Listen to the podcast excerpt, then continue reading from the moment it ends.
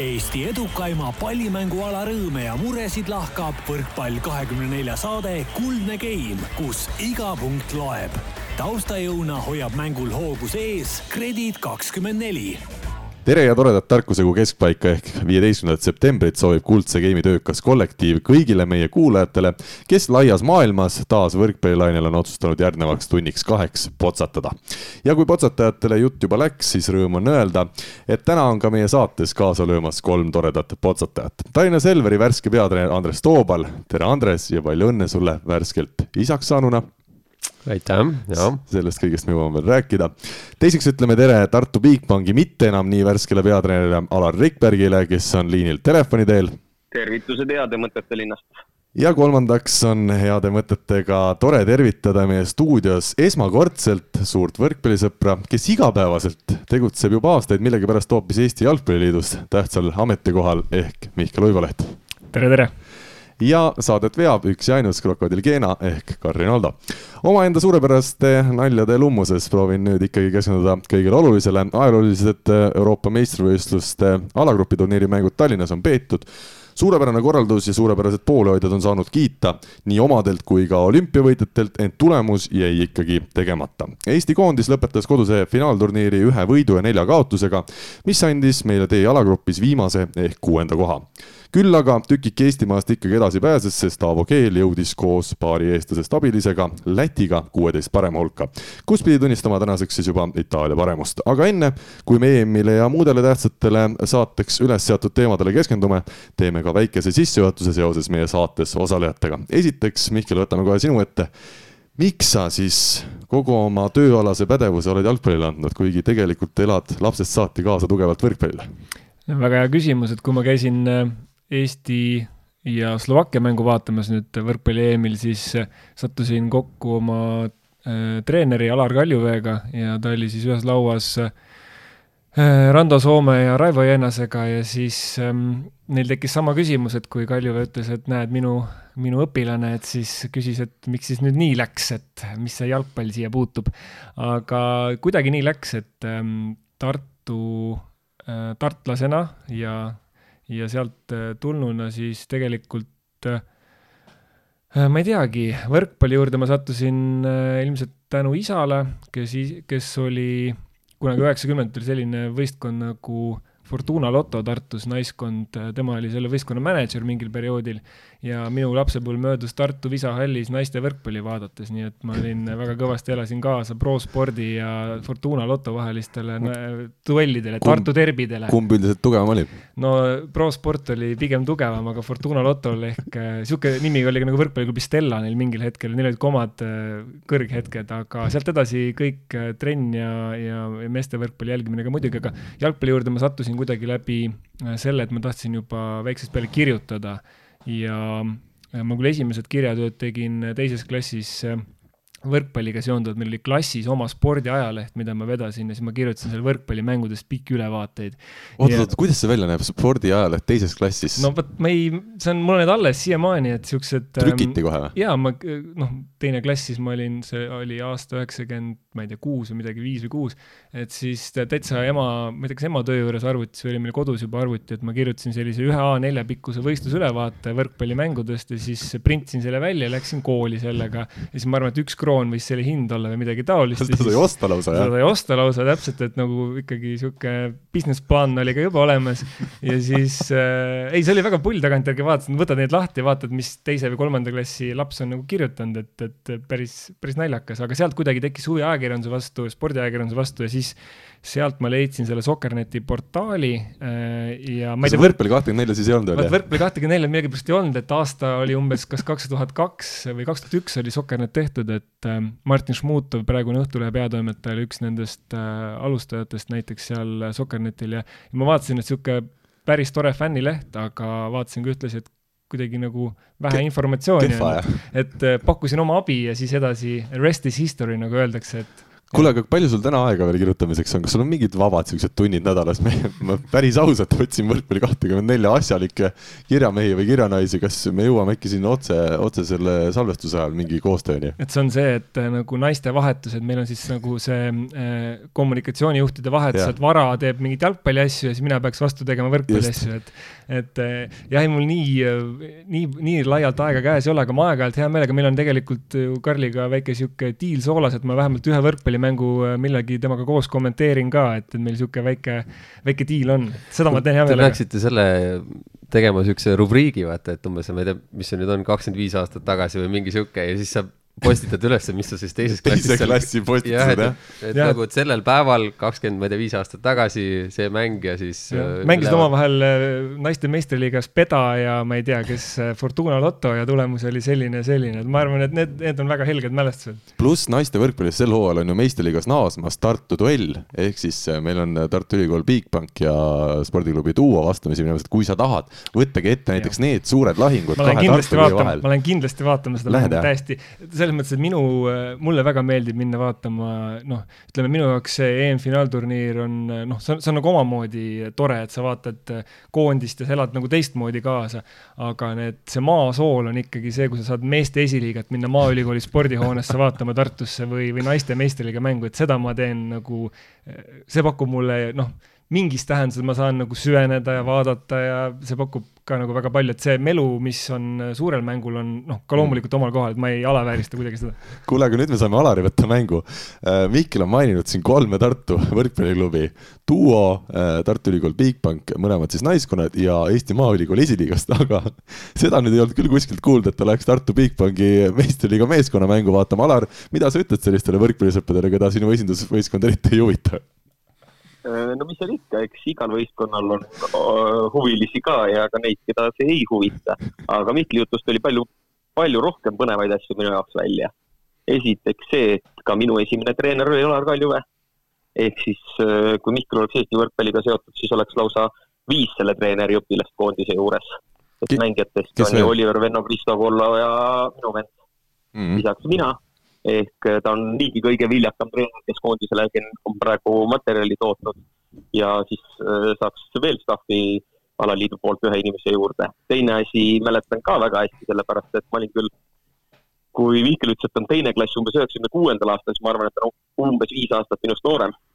ja ka mina käisin neid naistemänge vaatamas, kas või sellepärast, et treener oli ka ju naistetreener ja tõsi ta oli, et Alar Kaljuvee juhitav naiskond aastaid oli eh, edukam ja ka võidukas ja üks hooaeg tõesti jään aasta võlgu, milline see aasta oli, võitsime vist kõik mängud ära ja teise Tartu naiskonna käest said tappa finaalseeria.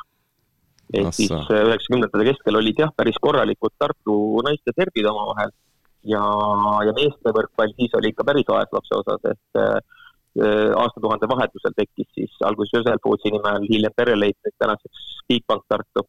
et tekkis ka korralikul tasemel meeste võrkpall alles osad, ma kujutan ette, kuulajad või, või isegi mängijad, kes sul seal Alar Tartu võistkonnas mängivad, need ei saa arugi praegu, millest me räägime, sest nad on sündinud juba kaks tuhat või hiljem, aga ma ikkagi üritaksin saates ka sedasi Eesti võrkpalli jätkuvalt edendada ja ma küsin, Mihkel, mis on nüüd need tingimused, millega täna Võrkpalliliit peaks sinu uksele koputama, et sa ütleksid, aitab küll sellest jalgpallist, mitukümmend aastat on seda tehtud, et hakkame nüüd Eesti võrkpalli jälle edasi viima? oi jah, see on, ähm, see on jah, mind, mind nagu üle osta pole võimalik, et, et. sa oled nii kallis või? et mul seda hinda ei ole, et see on nagu selles ühes Mastercardi reklaamis, et on hindamatu see, see asi, et, et tead, see on, lähtub ikkagi sellest, et mis su missioon on ja kus sa tunned ennast, et seda missiooni sa saad ajada, et üks asi on see spordi, spordi ajamine, aga, aga mulle väga istub see, mis alustel me Jalgpalliliidus oleme seda asja teinud ja millistel just nagu väärtustel selle baseerunud, ma ei ole pidanud selle seitsmeteist aasta jooksul, mul sai nüüd kaheksateistkümnendal augustil sai seitseteist aastat eh, ehk täpselt pool oma elust sai Jalgpalliliidus tööta, töötamist täis, et, et ma ei ole pidanud oma selliseid nagu kuidagi väärtusi äh, Äh, murdma või, või tundma, et ma olen vales kohas, et see on, see on hästi tegelikult mõnus, kui, kui sa saad teha tõesti seda, mida tahad, aga võrku ma käin nagu suurima heameelega vaatamas ja, ja arutan kirglikult äh, sellel teemal nii, nii oma, oma lähikondsetega kui ka, kui ka, kui ka kõigi teistega, et see on noh, ma olen ka ühes intervjuus öelnud, äh, kunagi Marile Gregor tegi, kui me Lätiga mängisime play-off'i, siis selle, selle mängu eel tegi, siis võrkpall mängis, eks ole, Lätiga play-off'i, et siis selle mängu eel tegi Mariel väikse intervjuu, siis ma ütlesin ka, et võrkpall on ikka esimene armastus olnud, et ja siis tulid kõik muud asjad, nii et see, see jääb alati, esimene armastus jääb alati ja lõpuks tuleks ikka esimese armastuse juurde ka tagasi tööalaselt, ma vähemalt nii loodan äh,. Andres, ma küsin sinu käest, olla eelmise aasta sügisel, kui me seda saadet tegime, olid sa Selveri abitreener ja ilma ütleme, lapsevanema kohustusteta. palju nüüd kakskümmend, kaksteist kuud hiljem on su päevad teistsugused, ma kujutan ette, et ega vabu minuteid vist naljalt ei leia. rääkimata tundidest. no näed, siin ma olen, ju siis on. ei, tegelikult jah, et kuna väga, väga värskelt, et siis eh, eks see võtab veits harjumust ja, ja võib-olla noh, natuke tahab saada planeerimist paremini, aga, aga selles mõttes eh, eks ma ise olen natuke rohkem võib-olla enda aja peremees eh, planeerimisel selles, äh, kui ennem oled abitreener, siis sa ikkagi jälgid mingeid muid asju, on ju.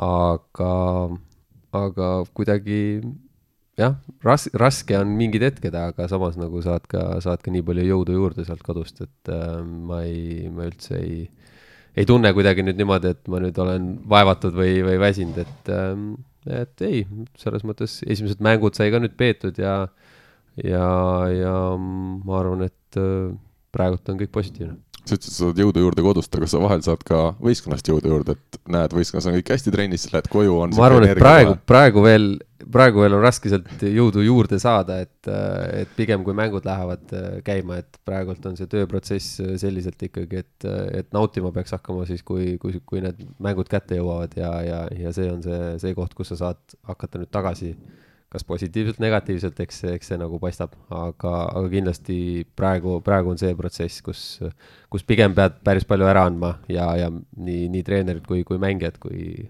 et äh, ei, praegult äh, ma arvan, et me oleme õiges suunas loodame, äh, tuleta meelde meile ka, kas sa sõid äh, poisslapse või?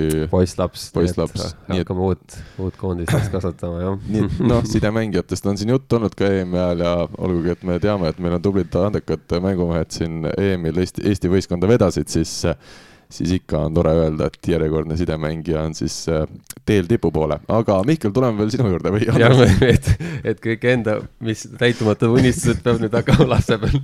ainuke asi, mida lapsel ei ole vaja, on Slovakkia meistritiitel jah, sellest on suva Mihkel, sa oled mänginud, kas tõesti laste või noorteklassis Oliver Vennoga koos? Eh, koos ei ole mänginud, ta oli must ikka mõned aastad äh, noorem, aga küll aga on niisugune lõbus seik, mul meenub, et ma olen tema vastu mänginud kunagi ühes Rahvaliiga mängus, et see on väga niisugune esimene põnev. küsimus, miks Oliver Venno mängis Rahvaliigas, sinu põhjusest ma saan aru, aga ma, ma olin gümnasist ja tema ilmselt oli põhikooliõpilane ja ma mäletan, tal isal oli võistkond äh, mille koosseisus ta mängis, minul on niisugune mälupilt vähemalt, et et jah, ja kui nendest vanustest, noh, Kristo Kollo ja Oliver Venno ei ole minust nii palju nooremad, vist kolm aastat, nad on üheksakümmend sündinud, eks ole, peaksid mm -hmm. olema. et siis, aga küll, aga mul õnnestus Kristo isaga käia ühes trennis mõnda aega, et niisugused põnevad, põnevad kogemused on mul elus olemas. kas Kristo isa vastuvõtt oli ka korralik? Ma pean silmas Stervi vastu võtma. ikka väga korralik, et jaa, ei, Tartu mail on selline, selline see Ülenurme, Ülenurme meeskond on legendaarne olnud seal esiliigas, mänginud tükk aega, nüüd nad vist on küll loobunud kas aasta või, või kaks tagasi, aga, aga see oli ikka jah, sellised, sellised mehed, ma neid protokolle sirvin aeg-ajalt äh,, mul on selline harjumus, et ma vaatan ikka nagu niisuguse äh, nostalgiaga neid tuttavaid nimesid, kellega kunagi sai maakonna meistrivõistlustel kas siis koos ühes võistkonnas mängitud või kelle vastu sai mängitud enam sa ei mängi? Äh, tead, ma olen sellel aastal mänginud terases mõned mängud äh, randa äh, siis talvisel ajal, kui oli mõnus soe ja nüüd pühapäeval ma toksisin palli vastu seina samal ajal, kui teised mängisid, et mul natuke on niisugused selja, seljateemad, et ma saalis mm, väga, ja ma lähen ka väga põlema, kui ma, kui mul see pall antakse, et, et ma mõtlen küll, et teen mingi väikse kõksimise, aga siis see kujuneb selliseks kompromissituks kolm-kaks mänguks lõpuks ja siis oled pärast kaks päeva voodis pikali, et seda ma ei taha, et pigem ranna, rannas oli väga, või see, ütleme siis see terase äh, sisetingimustes oli väga mõnus mängida, et see esiteks väsitas korralikult ära ja teiseks noh, ei mingeid seljamuresid, et äh,, et jah, ma üritan nagu doseerida seda mm.. mis su positsioon on mängijana? Äh, no valdavalt ma mängisin, ma olin äh, akselerant äh, siis noorteklassis, et siis ma mängisin temporündajat, aga praegu ma olen selline endast vanematega mängisin kõik positsioonid läbi, et, et hooti olin seal side ja libero ka, aga, aga ma arvan, et eks ma pigem ilmselt kuskil seal nurgas nurgas oleks praegu. vahetusmeeste nurgas. kas, kas või, peaasi, et saaks kuidagi osaline olla. mida sa Oliver Vennast mäletad tollest äh, mälestusväärsest kohtumisest, kus siis tema oli põhikoolipoiss äh,, oli ta siis juba üleplatsi mees? Ega suurt ei mäleta, ma vist mäletan seda, et ma teadsin teda nagu noh, kuna nende trenn, siis Kristo ja Oliveri trenn oli tavaliselt kas siis pärast või enne meie trenni, sest äh, Kaljuvee tegi äh, nagu mitu trenni järjest seal Turu tänava, Turu tänava spordikooli väikses võimlas, et, ähm, et siis, kust ka need videod, klipid on siin, ma vaatasin äh, Instagramis vist olid need mõned mõned, mõned klipid hiljuti üleval nendest Oliveri ja Kristo, Kristo siis trennidest seal, et ma mäletan lihtsalt, et oli niisugune pikk ütleme suhteliselt kiiresti pikaks sirgunud poiss oli näha, et, et ta nagu noh, võim, võimu on, et mingid siuksed mälupildid on. Alar, võtame sind jälle mängu, millal nüüd Oliver oma kodulinna mängima naaseb, meil on siin õhus küsimus, ta ise veel ei olnud pärast EM-i valmis ütlema, et kas ta koondise karjäär jätkub, aga kas ikkagi suvel sellise kontrollkõne tegid ära, et Oliver, meil Tartu Bigbank, raha nii ja naa ja meil on, eh, oleks huvi sind võtta võistkonda?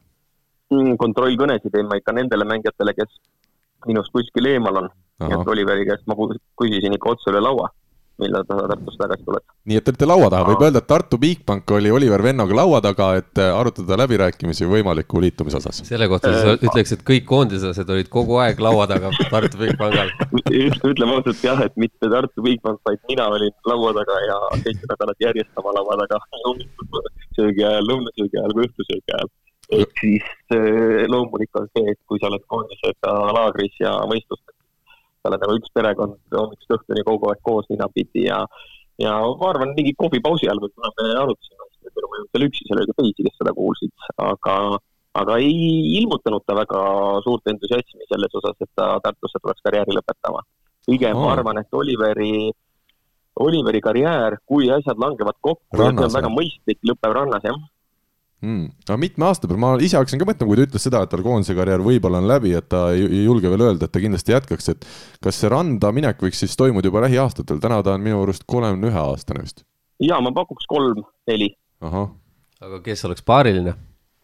no kõige lihtsam valik oleks loomulikult Kristo Kollo nojah, arvestades, et siin laua taga istub üks mees, kes jõudis Eesti meistrivõistlustel nelja parema hulka rannavõrkpallis sellel aastal, et siis nagu konkurentsi on vaja kahtlemata, et see oleks väga tervitatav kurat, Mihkel, ma vaatan. silmist, silmist sulle... hakkas nägema mingeid mõtteid, ahah.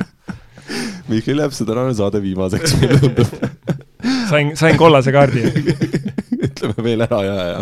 aga Alar, äh, küsiks ka sedasi, et äh, nüüd on ju noh, nad on, eks ole, tulnud noorteklassis äh, Euroopa meistriks ja maailmameistriks, kas nüüd võikski olla seenioride klassis siis järgmine eesmärk Oliveril ja Kristal tulla maailmameistriks? ei, ma arvan, et kui nad mängivad, nad mängivad ikka kõrgete eesmärkidega, ehk siis rahvusvaheliselt MK-sarja mm.. et kui seal asjad, noh, palju asju peab kokku langema, alates mõlema meeste isust sellest, et nad ongi saalivõrkpallist ja sellega seotud kohustused vabad, pluss siis ka rahalised võimalused randa mängida ja absoluutselt ei välista, et nad võivad päris korralikule tasemele välja jõuda, aga, aga sinna ei jõua nagu kuu või paariga. et mm -hmm. ei oleks siis ikkagi mitte ühe aasta, vaid veidi pikem projekt, ma arvan. Andres, sa usuks ka sellesse, kui mõlemad tuleksid seal kolmekümne viieselt umbes tagasi, et oleks võimalik päris kõrgele jõuda? No oleneb motivatsioonist, kui on motivatsiooni, siis kindlasti, aga, aga selle leidmine pärast äh, karjääri, kus tekib võib-olla selline puhkuse moment, et äh, hakkame uut asja tegema, siis ega see lihtne ei ole, aga ma ei, jah, see on väga keeruline, aga kui tõesti motivatsioon on, siis, siis äh, võimed kindlasti lubaksid seda. Mihkel Kollane kaart all, küsimus sulle, mis sina arvad paarist Kollo Venno, kas tahaks näha neid rannas tagasi? jaa, väga, nii nagu sa tegid siin kas eelmises saates äh, tegid seda või kuidagi läks teil jutt selle peale, et peaks liiva sinna Saku Suurhalli maha panema ja siis äh, Kaisi ja Vesiku panema, et siis mängima, et siis noh, jah, see, see oli nagu rohkem huumorivaldkonda, aga, aga jaa, et ei, kindlasti noh, neil on ju kõik on ju olemas, nad on nii universaalsed mängijad, nagu ka see finaalturniir praegu näitas, et kui vaja, siis pannakse teise positsiooni mängima ja ei olnud midagi hullu, et äh, kõik oli kõik on, noh, nad tunnevad teineteist ju läbi ja lõhki alates lapsest saadik, et see on võib-olla kõige olulisem isegi, et äh, natuke võib-olla paralleel vendade Kaisidega mingis mõttes ja sissejuhatuse lõpetuseks Alarile veel üks küsimus, kas täna on pigem mõtteis veel ebaõnnestunud EM-finaalturniir või juba need eesootavad meistrite liiga eelringi mängud äh, Tartu Bigbankiga? mõtted on ikka puhtalt juba klubitööl. ehk äh, oli paar päeva veel pärast EM-finaali turniiri äh,. Mõte käis küll selles osas, mis seal nihu läks, aga nüüd olen keskendunud puhtalt ikkagi klubile ja see hoiab iga päev piisavalt tegevuses ja ega siin hõlpu ei ole. loos sattus selline, et kahjuks on väga-väga vähe aega ette valmistada. kakskümmend kaks september juba esimene mäng ja midagi üle ei jää, tuleb selle lühikese ajaga meeskond viia nii heasse seisu kui võimalik ja hakata võitlema. nii klubi võrkpallist kui ka koondise võrkpallist on meil täna plaanis rääkida, nii et võtame nüüd siis ette esimese põhiteemadest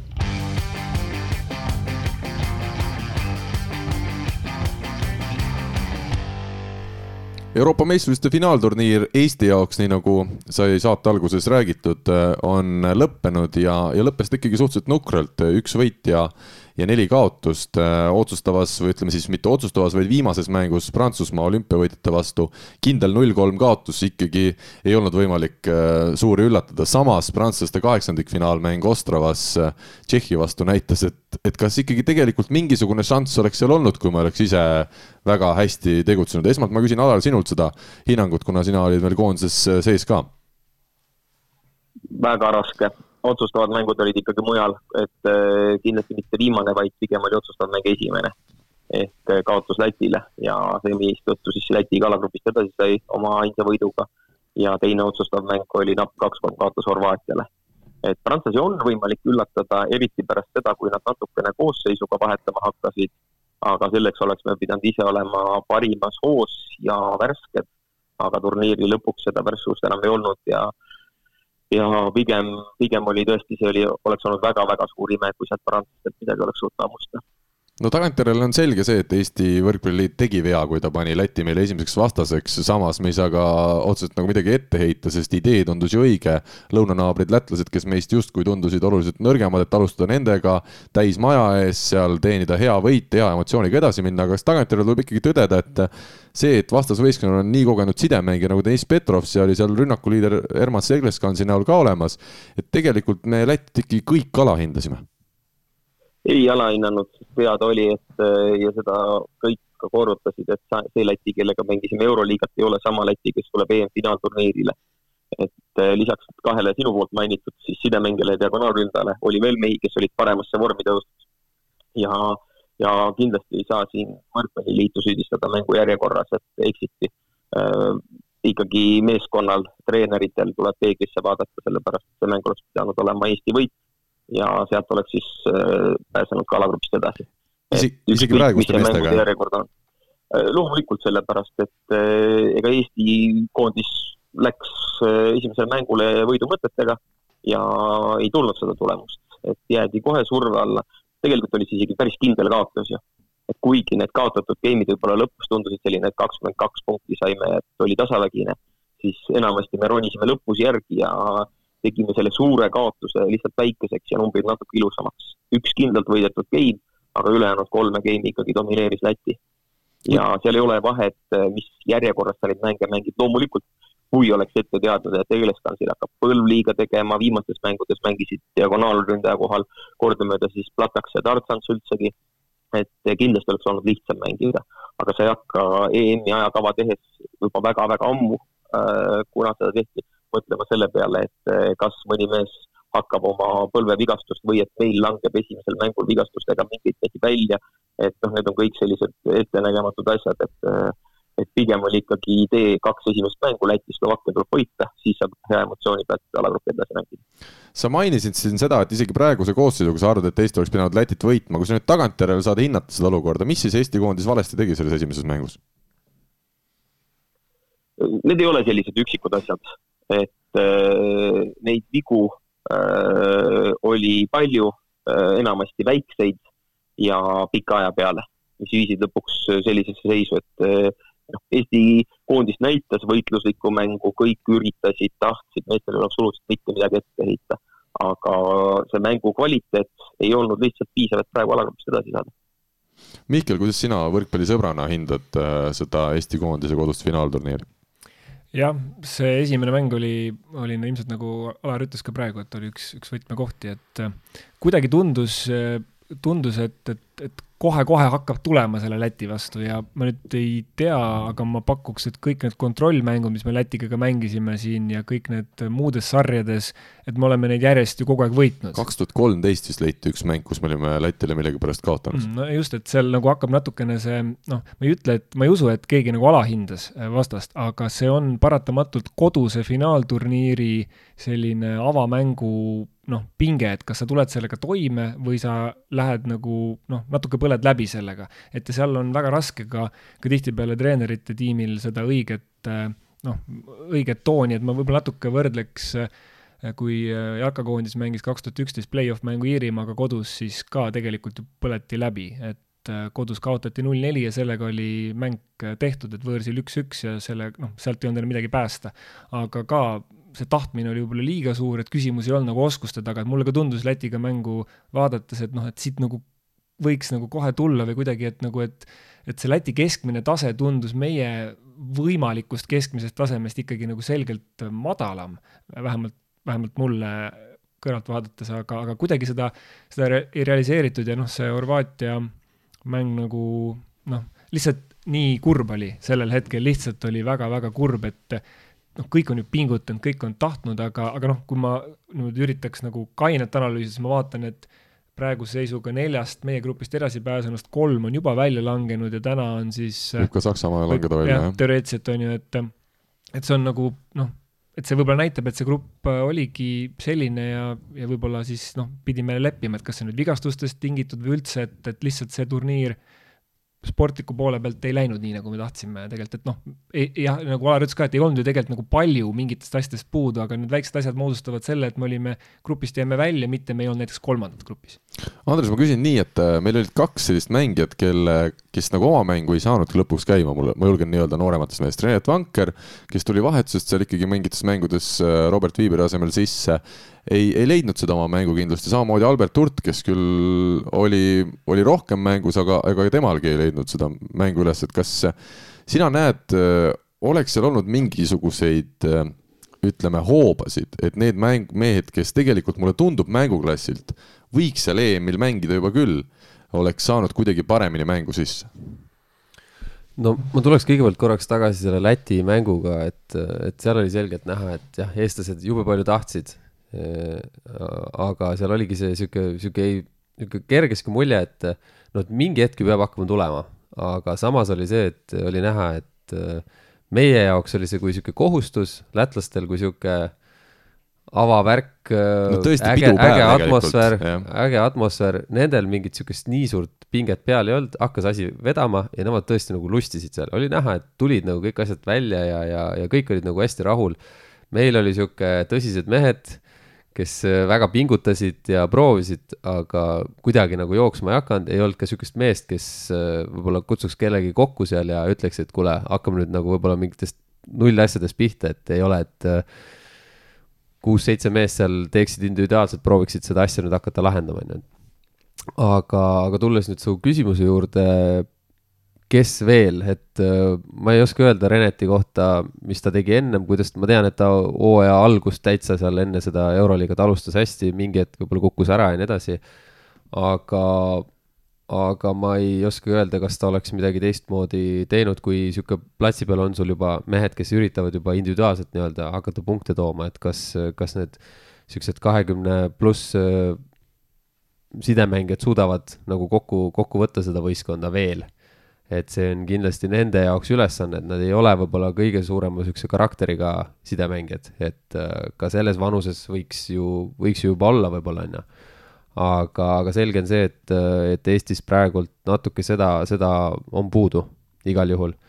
Äh, Alberti kohta jah, mul olid ka natukene ootused-lootused paremad, sellepärast et mida ta tegi siin hooaja sees, mida tegi võib-olla siin no, ütleme, koondise suve alguses, on ju, ei olnud päris, päris tema aga, aga ma arvan ikkagi, et millest minul isiklikult jäi, jäi silma, oli see, et, et Eesti nagu ei mänginud väga nagu sellise, sellise ühtse võistkonnana, mis meil, mis meil on vahepeal väga hästi välja tulnud, et meil ei ole olnud tohutut mingit liidrit, liidrit, et on ära jagatud, rünnakul jagavadki ära Täht, Venno või, või, või seal vahepeal Teppan, on ju. tulevad kõvasti appi mingil, mingil hetkel äh, tempomehed, kes, kes aitavad kaasa võib-olla lahendada sealt keskelt, et, et see sihuke ära jagatud mäng, et praegult oli, oli sihuke proovimine ühest nurgast, teisest nurgast, ühest nurgast, teisest nurgast, et äh, ja noh, Venno seal mingi aja nagu tassis, aga teiselt poolt nagu väga palju abi ei tulnud ja, ja, ja Viiberiga üldse tempo, tempoosakond jäi natukene nagu võib-olla ütleme sellisesse halli tsooni, kus, kus teatud hetkedel, kus meil oleks isegi võimalik ära lahendada olnud, siis, siis võib-olla oli tõste kvaliteedis või, või üleüldiselt tempomeestega oma klapis oli, oli, oli kergelt puudujääke. see tuleb ka kindlasti sellest enesekindlusest ja sellest krambist. aga, aga ma ei oska jah Reneti kohta öelda, sest mängis ta vähe ja ta tuli ikkagi platsile sellistel olukordadel, kus juba nagu võistkond tegelikult oli, oli olukorras, kus enam ei olnud hästi, ei olnud mugav, mugav positsioon, et et seal Prantsusmaa vastu tuli võib-olla natukene lustis ja võib-olla tegi seal küll nagu häid liigutusi, võib-olla mõni niisugune kehvem ka, on ju, aga oli näha vähemalt seda positiivset energiat. et ähm, ma ei oska jah öelda, et seal pingi pealt jah, ei olnudki ju kedagi nagu võtta ka, et kes nüüd tuleks.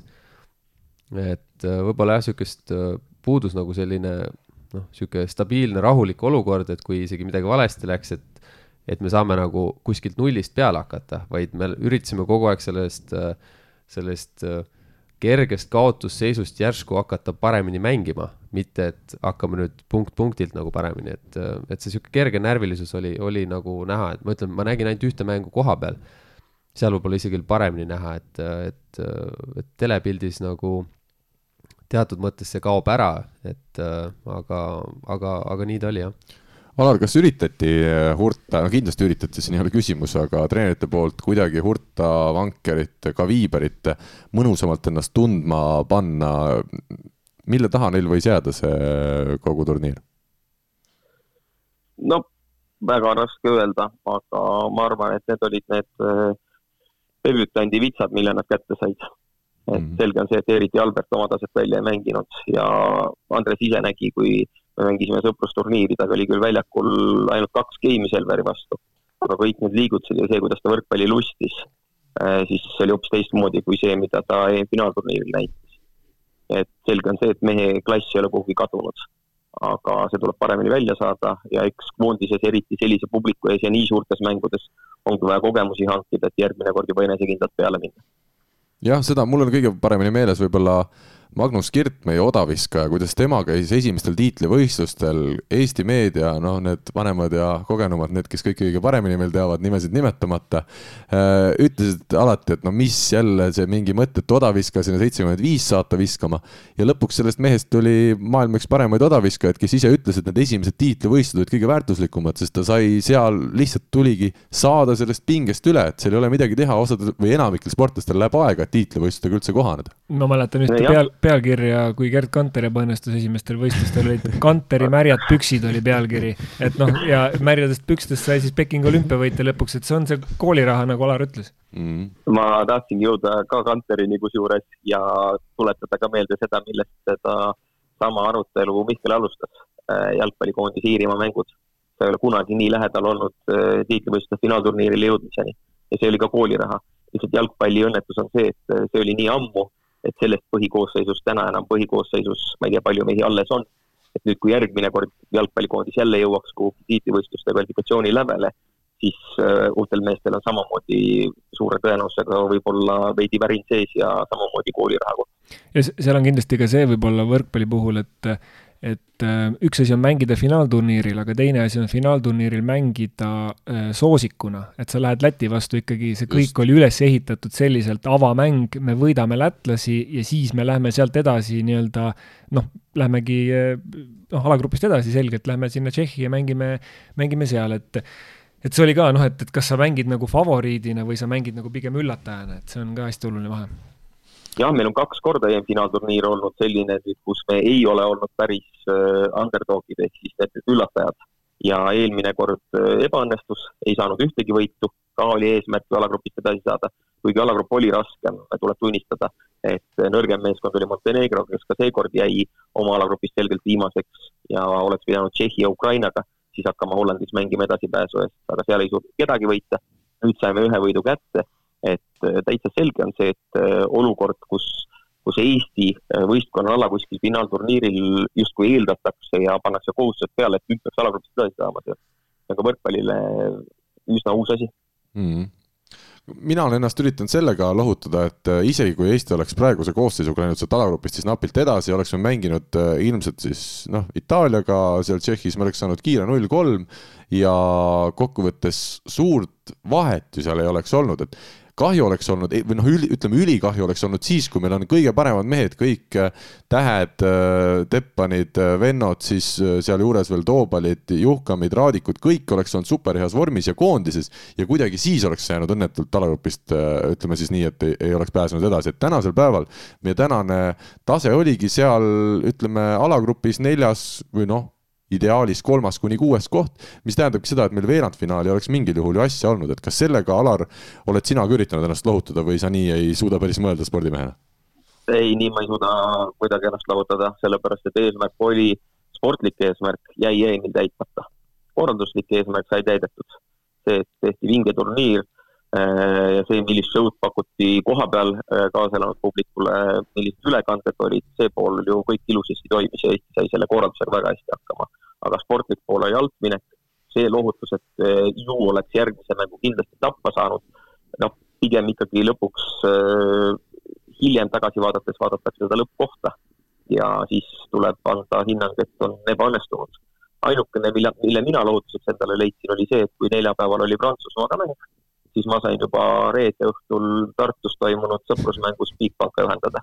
ehk ma sain teisele tööle kohe ümber lülitada kiiremini, kui ma olin planeerinud. kes teil oleks juhendanud seda võistkonda, kui sina ja ka Oliver Lüütsepp, kes sinu kõrval uuel hooajal on siis Tartus teine treener, oleksite EM-il jätkanud seal Tšehhimaal? Äh, kogu ettevalmistuse tegi Argo Meresaar ja pärast seda, kui oli selge, et Eesti kaotas Prantsusmaal edasi ei saa, siis Argo teatas ka meie ühtses infovahetusgrupis, et äh, kuna Äh, esimene sõpruskohtumine TalTechi vastu kaotati, siis tema paneb peatreeneri ameti maha ja annab selle üle mulle.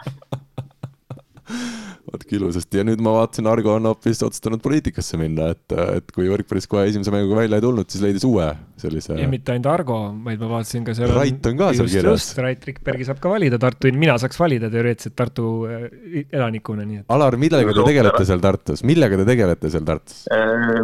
Ma ei saa kahjuks või õnneks, ega seal suurt vahet pole, ei oma kolleegidele ega oma mängijatele öelda, et nad tohivad või ei tohi või mis määras äh, poliitikas osaleda. Äh, eks äh, Raidu kandideerimisel on ka teatud põhjused, võib-olla ta need avalikustab, võib-olla mitte. ma arvan, et sõltumata erakondlikust eelistusest, kuigi ma tean seda valimissüsteemi, et kokkuvõttes hääl läheb erakonnale, siis ääretult keeruline oleks mul mitte valida oma venda mm. -hmm aga mis on, äh, kindlasti Rait on sulle ka rääkinud pikalt, mis on tema sellised äh, püüdlused siis järgnevaks neljaks aastaks, kuhu, kuhu Tartumaa on liikumas, mis on need põhjused, miks sa tema poolt plaanid hääletada? Äh, põhjus on väga lihtne, ta on mu vend aga Argo jääb siis hääletama? Argo poolt ma ei saa hääletada, seepärast Argo ei ela Tartus, Argo elab Ülenurmes, seesama ah. kant, mille võrkpallist ka Mihkel natuke aega tagasi rääkis ja seetõttu ta kandideerib hoopiski Kambja vallas aga mis siis saab, kui Rait ja Argo üks päev tulevadki sul sinna kontori ukse taha, ütlevad, et kuule, et meil läks valimistel nii hästi, et see võrkpall enam ei paku huvi, et me nüüd lähme oma teed? Äh, isegi kui neil läheb valimistel väga hästi ja nad on kuskil volikogus või aktiivselt poliitikas, siis äh, vähemalt mõnda aega mõlemad mehed jätkavad võrkpallis, seda ma võin garanteerida. ahah, see on sul, see on sinu poolt tehtud otsus või nad ise on nii öelnud? Nad ei ole isegi öelnud, ma tunnen neid inimesi piisavalt, et, et see ei tähenda nüüd seda, et pauguga uks spordihallis kinni ja rohkem sinna nagu ei näita. et mõlemal mehel on vähemalt mõneks ajaks ühel mängijana, teisel treenerina veel teatud asjad, mida nad tahavad saavutada ja mida teha võrkpallis. ma just mõtlesin, et see oli äkki mingi klubipoolne sihuke suuna näitamine, et lisarahasid on vaja hakata kuskilt tooma, et äh, erasektorist enam ei pressi kuidagi peale, et nüüd toome üle, ülenormalt need rahad kohale. täpselt, et jah, eks see sportlaste poliitikasse minek, see on ju juba aastakümneid kestnud ja, ja seal on teatud rahalised otsused taga me vaatame ka Tallinnast ja seal toimuvat, et, et ega see mingi saladus pole ja, ja olles kas heades suhetes või ise lähemal otsustamisele, siis on ka suurem tõenäosus sporti niimoodi raha saada.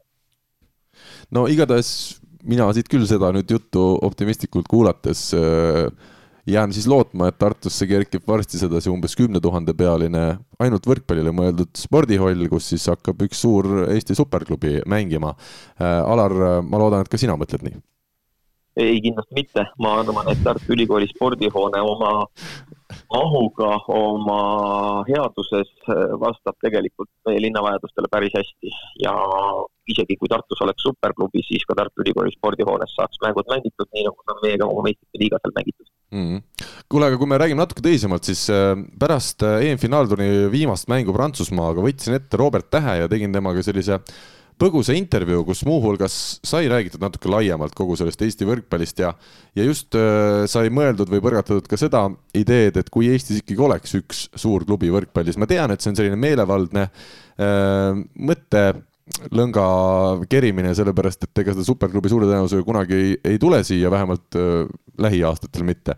aga, aga kas mitte see EM-finaalturniir oma suurepärase korralduse, oma nelja tuhande ja pluss pealtvaatajaga igal Eesti koondise mängul ei näidanud ära, et Eestis tegelikult ühtpidi on võrkpallil ütleme, ainest selliseks su superklubiks. teisalt aga on Eesti keskmisel spordisõbral ikkagi soov näha ühte sellist klubi, mis mängiks Euroopa tipptasemel, oleme ausad, Mihkel tehku kui head tööd tahes, FC Flora ega, ega Levadia ega Paide linnameeskond ei hakka Madridi Reali ja ja Manchester Unitediga võib-olla seal Ronaldo eest äh, heitlema ja ei hakka ka meistrite liigat võitma kunagi. samamoodi on meil korvpallis ikkagi, Kalev on jõudnud juba päris kaugele oma tänaste võimalustega ja mängib küll heal päeval võrdselt Venemaa tippudega, noh, Euroopa tippklubid ta ikkagi ei ole.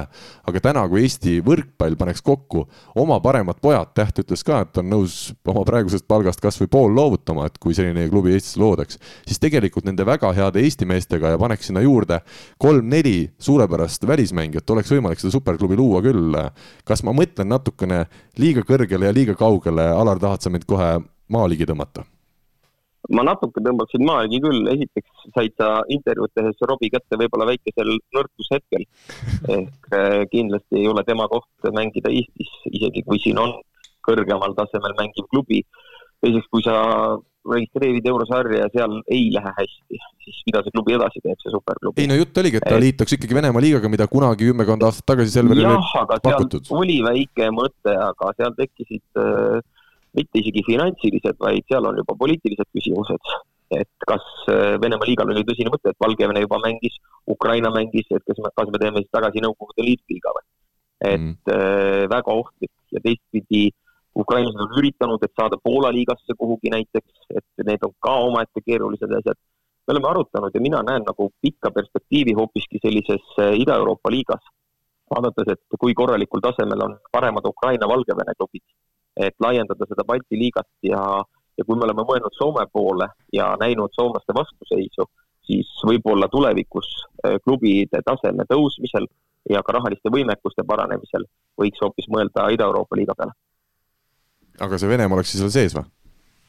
Äh, nii ja naa, venelastel on huvi, neil on võistkondi endal nii palju ja neil on esiliigas äh, lisaks tahtjaid. et see, et vahepeal seal Valgevene klubi mängis Venemaa superliigat kaasa, täpselt samamoodi väga poliitiline otsus ja Valgevene-Venemaa Äh, tihedatest suhetest tulenev, et äh, ma ei ole kindel, kui hea mõte see üldse oleks. no aga mis on täna Kalev Cramoga või Eesti liigiga sellepärast juhtunud, et Kalev on nüüd kümmekond aastat seda VTB ühisliigat mänginud peale selle, et meil on tulnud tänu sellele, ma julgen öelda, omajagu heal tasemel mängumehi juurde, ega Eesti riik ei ole kuidagi rohkem ei, Venemaa poole ei ole juhtunud, aga, aga VTB ühisliiga ei ole Venemaa meistriks.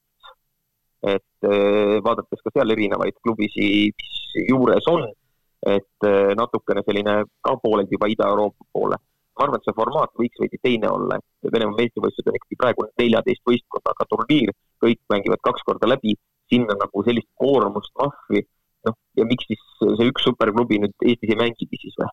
et eh, no kui ta mängib Eesti seda Venemaa liigat, siis neid kodumänge on ju küll ja veel, mis, mida Eesti spordisõber saakski ja tahakski vaatama tulla jaa, aga me jõuame selleni, et kui palju Eesti spordisõpra huvitab äh, Eesti võistkond. et sa alustasid sellest, kui palju fänne käis vaatamas Eesti koondist. olgu see võrkpall või olgu see jalgpall, rahvuskoondist käiakse ikka vaatamas hea meelega.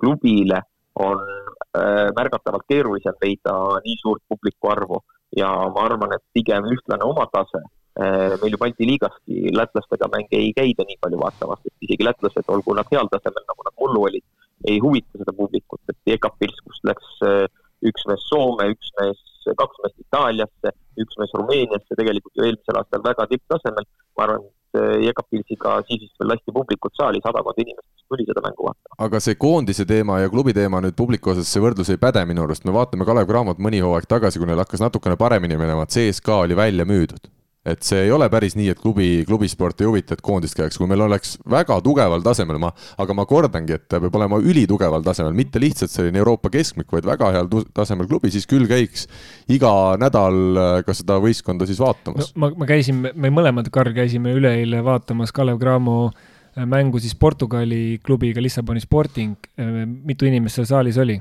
ikka vähe oli, jah. jah, et see ongi vastus ja teine asi on see, et kõik need superklubi jutud, et minu meelest spordiala taseme määrab ikkagi ära keskmine tase.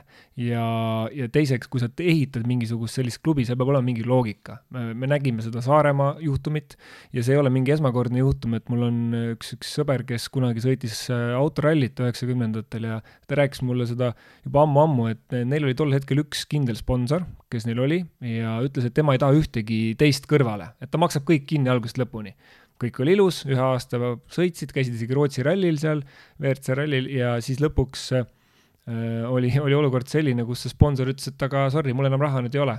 ja mhm. kõik pood kinni ja lähme nagu edasi, et seal peab olema mingi rahastusloogika, et et noh, et see su-, see superklubi idee tundub hästi atraktiivne, aga kui tal ei ole mingisugust finantsloogikat või ka loogikat näiteks, ma ei tea, selle oma fännibaasiga nii-öelda ühenduses olemise, siis ta lõpuks muutub nagu täiesti riik riigis ja ta, ta ei pruugigi kedagi huvitada enam, et seal peab olema mingisugune nagu loogiline side, et võib-olla noh, Tartu näitena tuua, et eh, Tartu eh, Rock siis oma parimatel aegadel tegelikult toimis selles mõttes hästi, et seal oli ülikool Äh, kes rahastas osaliselt ja sul oli nagu erasektori rahastus teise sambana toodud.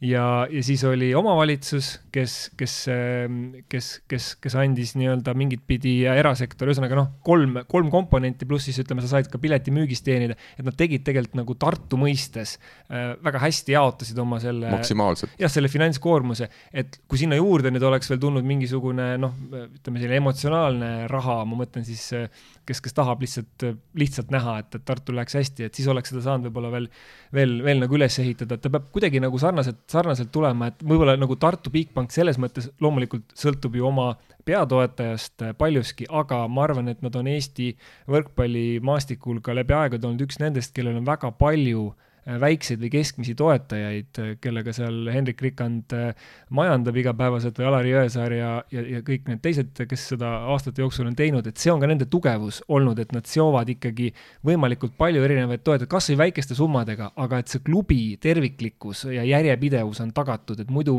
me teeme, oh, paneme, pumpame nii-öelda seda õhku sinna sisse ja siis ühel hetkel läheb see katki ja, ja noh, meil ei ole enam midagi siis, et see mm see loogika. no ma ütlen lihtsalt vahele ära selle, et miks ei olnud Kalev Cramo mängul, see on ikkagi teine asi võrreldes sellest, millest mina mõtlen rääkida, et kui Kalev Cramo mängib äh, meistrite liiga, mis tänasel päeval ei ole korvpallis, ma ütlen nendele, kes võib-olla ei tea, ei ole mingi, mitte kõige tugevam eurosari, vaid ta on seal teine, kolmas, võib-olla isegi neljas tugevuselt ja mängib eelringi mingi suvalise Portugali klubiga ja Eesti klubis mängivad ka, ütleme, suures osas, ma väga vabandan, ikkagi teisejärgulised Eesti korvpallurid ja väga tundmatud äh, välismaalased, kes ei ole oma taset veel kuskil tõestanud, et seal ongi raske publikut saada. aga vot nõus, aga see ongi see printsiip, et, et kas me siis tuleme vaatama oma võistkonda või vastasvõistkonda. ma väidan, et võrkpallis on meil täna nii palju häid mehi, et me suudaks panna konkurentsivõimelise võistkonna kokku äh, Euroopa tipptasemel. jah, aga vaata, nüüd jõuamegi selleni, et kui kaua sa suudad seda hoida see on sama umbes seesama näide, mis Saaremaal oli, et võtame hästi palju Saaremaa mehi, aga iga aastaga no,. tegelikult, tegelikult see jääb vähemaks, on ju ja, ja ongi see, et need Eesti mehed ikkagi tahavad ka liikuda, nad ei taha seal no, ühte klubisse, see on siis nagu selline sunnitud olukord, kus kui ma tahan Eestis olla, siis ma pean, ma pean ainult ühes võistkonnas olema, mul ei ole nagu mingit muud valikut. ja, ja ta, samas tegelikult ma tahaks nagu Euroopas veel ära näha, see tähendab seda, et siis tagasi tulevad, kas siin mängivad need, kes tahavad väga mingit stabiilset ja mitte mingit sihukest, aga neil on ka see mure, et kui nad ühe si, nii-öelda sita hooaja teevad, onju siis tegelikult neid võib-olla ei mm, -hmm. selle, selle klubi silmis on nad kohe kadunud ja nad peavad hakkama kuskile leidma välismaal, onju. sama on see, et tihtipeale siis tulevad need, kes hakkavad hooaegasid lõpe- või ütleme, karjääri lõpetama, tulevad siia siis tagasi. ja see on ka omaette küsimus, palju neil on vigastusi ja nii edasi nii edasi. et lõppkokkuvõttes see ei ole nagu tegelikult väga stabiilne keskkond, kui teha sihuke üks ja kõik see on natuke niisugune suletud äh, ring ka, et võib-olla kor-, korvpallis ju üheksakümnendatel tehti see superklubi näide ära ja kogu aeg käis see jutt, et noh, meil see alguses oli kümme mängijat, pärast oli, et küll meil see viis mängijat ikka lõpuks on ja siis tegelikult jõuti ikkagi selleni, et noh, tegelikult päris nii õige ei ole, et meil oleks oluline, et meil oleks võimalikult palju neid klubisid, kes, kas ka noortega tegeleksid, kellel oleks kokkupuude äh, tippspordiga, et selles mõttes mulle mingis mõttes väga meeldib see äh, otsus, et äh, võrkpallis naiste meistriliiga viidi kaheksa võistkonna peale, et võib-olla mõni ütleb, et oh, nüüd hakkavad tulema väga ühepoolsed mängud, aga nagu võib-olla tulevadki, aga printsiibina mulle see meeldib, et, et sul on rohkem neid, kes saavad osa sellest, et ärme lihvime seda tippu, tippu, tippu kogu aeg, sest et ühel hetkel see ongi nagu mingi eraldiseisev asi, et ta peab olema selle süsteemi, selle püramiidi nagu, nagu tipposa, et muidu seda, kui seda kandepinda ei ole, siis noh, siis me oleme ühel hetkel palju suurema portsu ees, et siis me peamegi nagu ostma sisse lõpuks sellist nagu, ma nimetaks niisugust nagu spordi- ja meelelahutusteenust siis, et tal ei ole nagu seost siis oma selle noh, Tartu näiteks kogukonnaga, mina lähen nagu Bigpanga mänge äh, hea meelega vaatama. sa ikkagi lähed vaatama? ma ikkagi lähen vaatama, tahtsin öelda, et siin saate alguses võis jääda teine mulje, et ma hea meelega käin vaatamas, kui, kui koroona äh, puhul lastakse, ma isegi eelmine aasta tegelikult või eelmine hooaeg käisin, vaatasin ühte mängu, kus isegi publikut ei lastud, äh, Pärnuga oli mäng, aga selle, selle ma tegin oma ülikooli äh, tööga seoses, ma pidin lihtsalt tegema ühe videoloo sealt mängult ja siis ma kas, sain isegi Alariga intervjuu teha. kas sa selle müüsid ka ühe euroga igale inimesele maha, kes müünud, selle ma sain, sellest ma sain mõned ainepunktid aga, aga mis, mis ma tahtsin öelda, on see, et ma lähen vaatama neid Tartu mänge väga paljuski ka sellepärast, et ma tahan näha kohalikke mängijaid, kohalikke inimesi, nad võivad olla ka teistest linnadest sisse tulnud, aga ma tean, et nad elavad seal, nad toimetavad seal, ma saan uurida, kes nad on, mis nad on, et, et see saalis, see kontingent, keda ma seal näen, on ju ka valdavalt ikkagi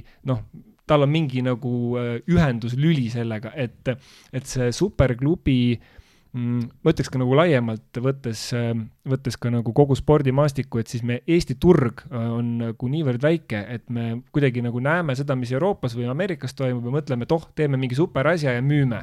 et tegelikult nagu meie turgu arvestades on see noh, on see natuke illusoorne. no ma lihtsalt ütlen kõrval, ma saan aru, ma ütlen jätkuvalt, mina vist esindan praegu siin vestluses seda poolt, et see vestlus oleks huvitav ja argumenteeritud, et äh, seda teist poolt, kes ütleb, et see oleks lahe ja tore, aga meil on olemas äh, Soomes, põhjanaabrites Helsingi Jogerid, jäähokiklubi, kes mängib KHL-i ehk siis Venemaa liigat, ütleme, suures plaanis. meil on olemas Lätis täpselt samamoodi äh, Riia klubi, eks ole, kes mängib jäähokis seda kõige tugevamat äh, idasarja. Äh, Rootsis on olemas omad sellised näited suurklubidest, et mulle tundub lihtsalt täna, noh, Leedus me Kaunase Žalgirise korvpalliklubist ei pea rääkimagi, et mulle tundub, et täna Eesti on oma majandusliku arenguga jõudnud nii kaugele, et meil oleks võimalik, võtame kasvõi, ma ei tea, TransferWise, täna saab nimega vist Wise ja, või mingi Bolt, mingi suur ettevõte, kes võiks panna, pannagi noh, Tallinna, Tallinna Bolt näiteks võistkonna nimeks, eks ole, sealt võiks tulla see raha ja meil on omal lihtsalt need mängijad olemas, et kui me räägime mingitest teistest, meil ei, me ei saa jalgpallis teha võistkonda Eesti koondisele põhinedes, meie tase ei ole selline, et mängida Madridi Realiga no, võrdselt, eks ole. ma saan printsiibist aru ja eriti võrkpallis nagu natuke, ma arvan, see Saaremaa juhtum näitas ka ära seda ju, et eurosarjas nad olid ju päris äh, päris hästi said hakkama äh, Itaalia kuni, kuni selle ku, kuulsusrikka mänguni, eks ole, aga ütleme, et noh, põhimõtteliselt, et nad ei, ehk siis nagu see näide. ja seal ei olnud Eesti parimad võrkpallurid. just, et see näide, kui kiiresti oli võimalik seda kõike teha võrkpallis ja noh, rahasumma oli kindlasti arvestatav, aga ta ei olnud nii kosmiline, kui me räägime siin näiteks jalgpallis või korvpallis edu saavutamisest. et, et, et selles mõttes jah, ma saan, ma saan sellest kiusatusest aru, aga minu küsimus on see, et näidake mulle jätkusuutlik süsteem ja ma nii-öelda võrkpalli jälgijana kirjutan sellele alla kohe mm. -hmm. Alar, mis me siis teeme, teeme selle superklubi ära või ei tee? ei, ma teen niimoodi, et võtan kokku selle asja Karl on selgelt äh, opositsioonis, tal ei ole väga rumal idee, aga tal on keskpäraselt rumal idee ja kõigi teiste jutust on juba välja tulnud asja tegelik tuum ja kus tegelik mure peitub mm.. tegelik mure naistes on olukord, ma ütlen, parem. Äh, meeste klubi võrkpallis äh, kõige kõrgemal tasemel peitub praegu suur mure geograafilises plaanis. meil on ainult Tallinna, Tartu ja Pärnu klubid olemas ja meil on ainult neli klubi. ehk siis see on nüüd see koht, mida mida ühiselt tuleb lahendama hakata ja kus tuleb leida selline äh, mingi arengupotentsiaal, leida need klubid, leida need kohad ehk võistkondade arvu suurendada jälle ja teha ikkagi selline korralik Eesti, äh, kogu Eestit kattev võrgustik väga, väga toetan, Alar, seda mõtet just, just selle nurga alt ja toon ka selle nii-öelda numbrilise tõestuse sulle, et äh, tüdrukute võrkpallis täna siis kus kuni üheksateistaastaseid tüdrukuid mängib umbes kaks pool tuhat. Poisse samal ajal mängib nõks alla kahe tuhande ehk siis meil on tüdrukute seas noorte tasemel võrkpall populaarsem kui poiste seas ja kui ma vaatan ka viimase kümne aasta perspektiivi, siis tegelikult poistes see number on hästi natukene üles läinud, aga, aga väga-väga-väga minimaalselt. tüdrukutes on peaaegu kahekordistunud see number selle kümne aasta jooksul. et, et siin on nagu poistes kõvasti reservi, et väga-väga hea tähelepanek, Alar. Alar, te peate panema siis oma selle Bigbankist tulnud äh, raha ikkagi noh, ka naistesse rohkem seal on lihtsalt niisugune potentsiaal ees, et võib-olla peaks hoopis seda Tartu naiskonda hakkama praegu eurosarjas tippu viima. no mine sa tea, mis tulevik toob, aga et seda raha jaotatakse nii meestele kui naistele kui noortele.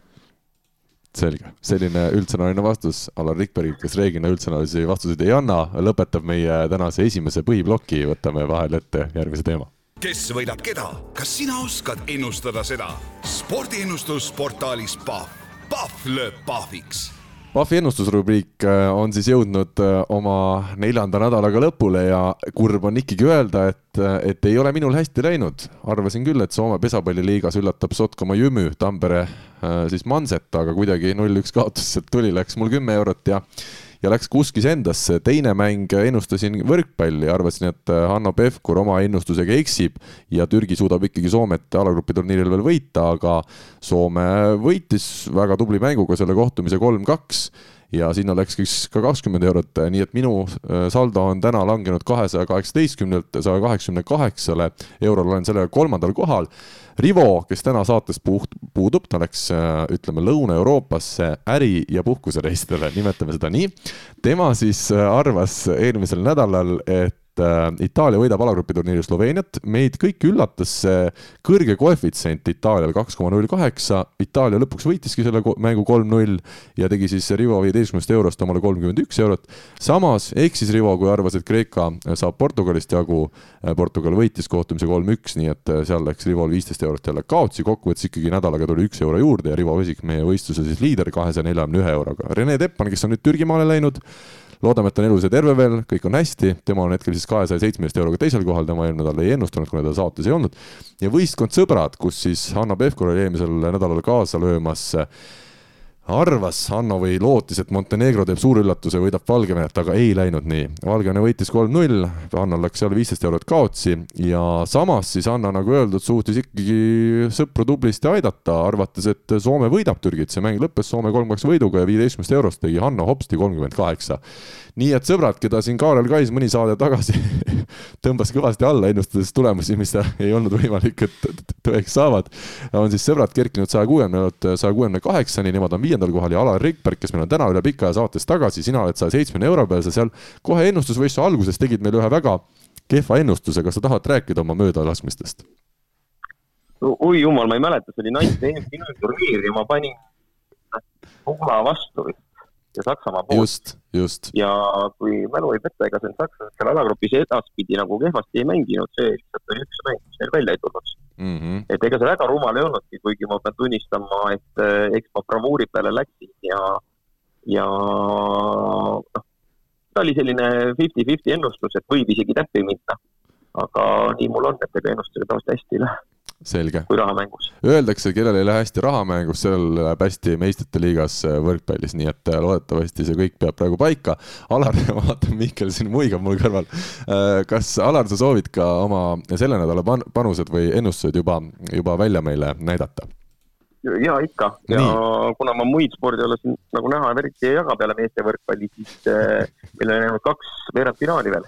Itaalia-Saksamaa ja Tšehhi-Sloveenia Äh, vaatan neid koefitsiente ja, ja ütleme niimoodi, et äh, kui te mäletate, Martti Juhkam jagas ühte tabelit äh, kunagi, et kes kaheksast vasakul olevast kaotab ja ta arvas, et mitte keegi ei kaota, ainukene oligi ju Prantsusmaa, kes siis üllatuskaotuse kaheksandikfinaalis. ma ütlen ära, see oli võrkpalligrupis Facebookis, kõik saavad liituda, seal kõva arutelu meil nüüd igapäevaselt paljuski tänu Martile juba mõnda aega on käimas, aga jah, jätka.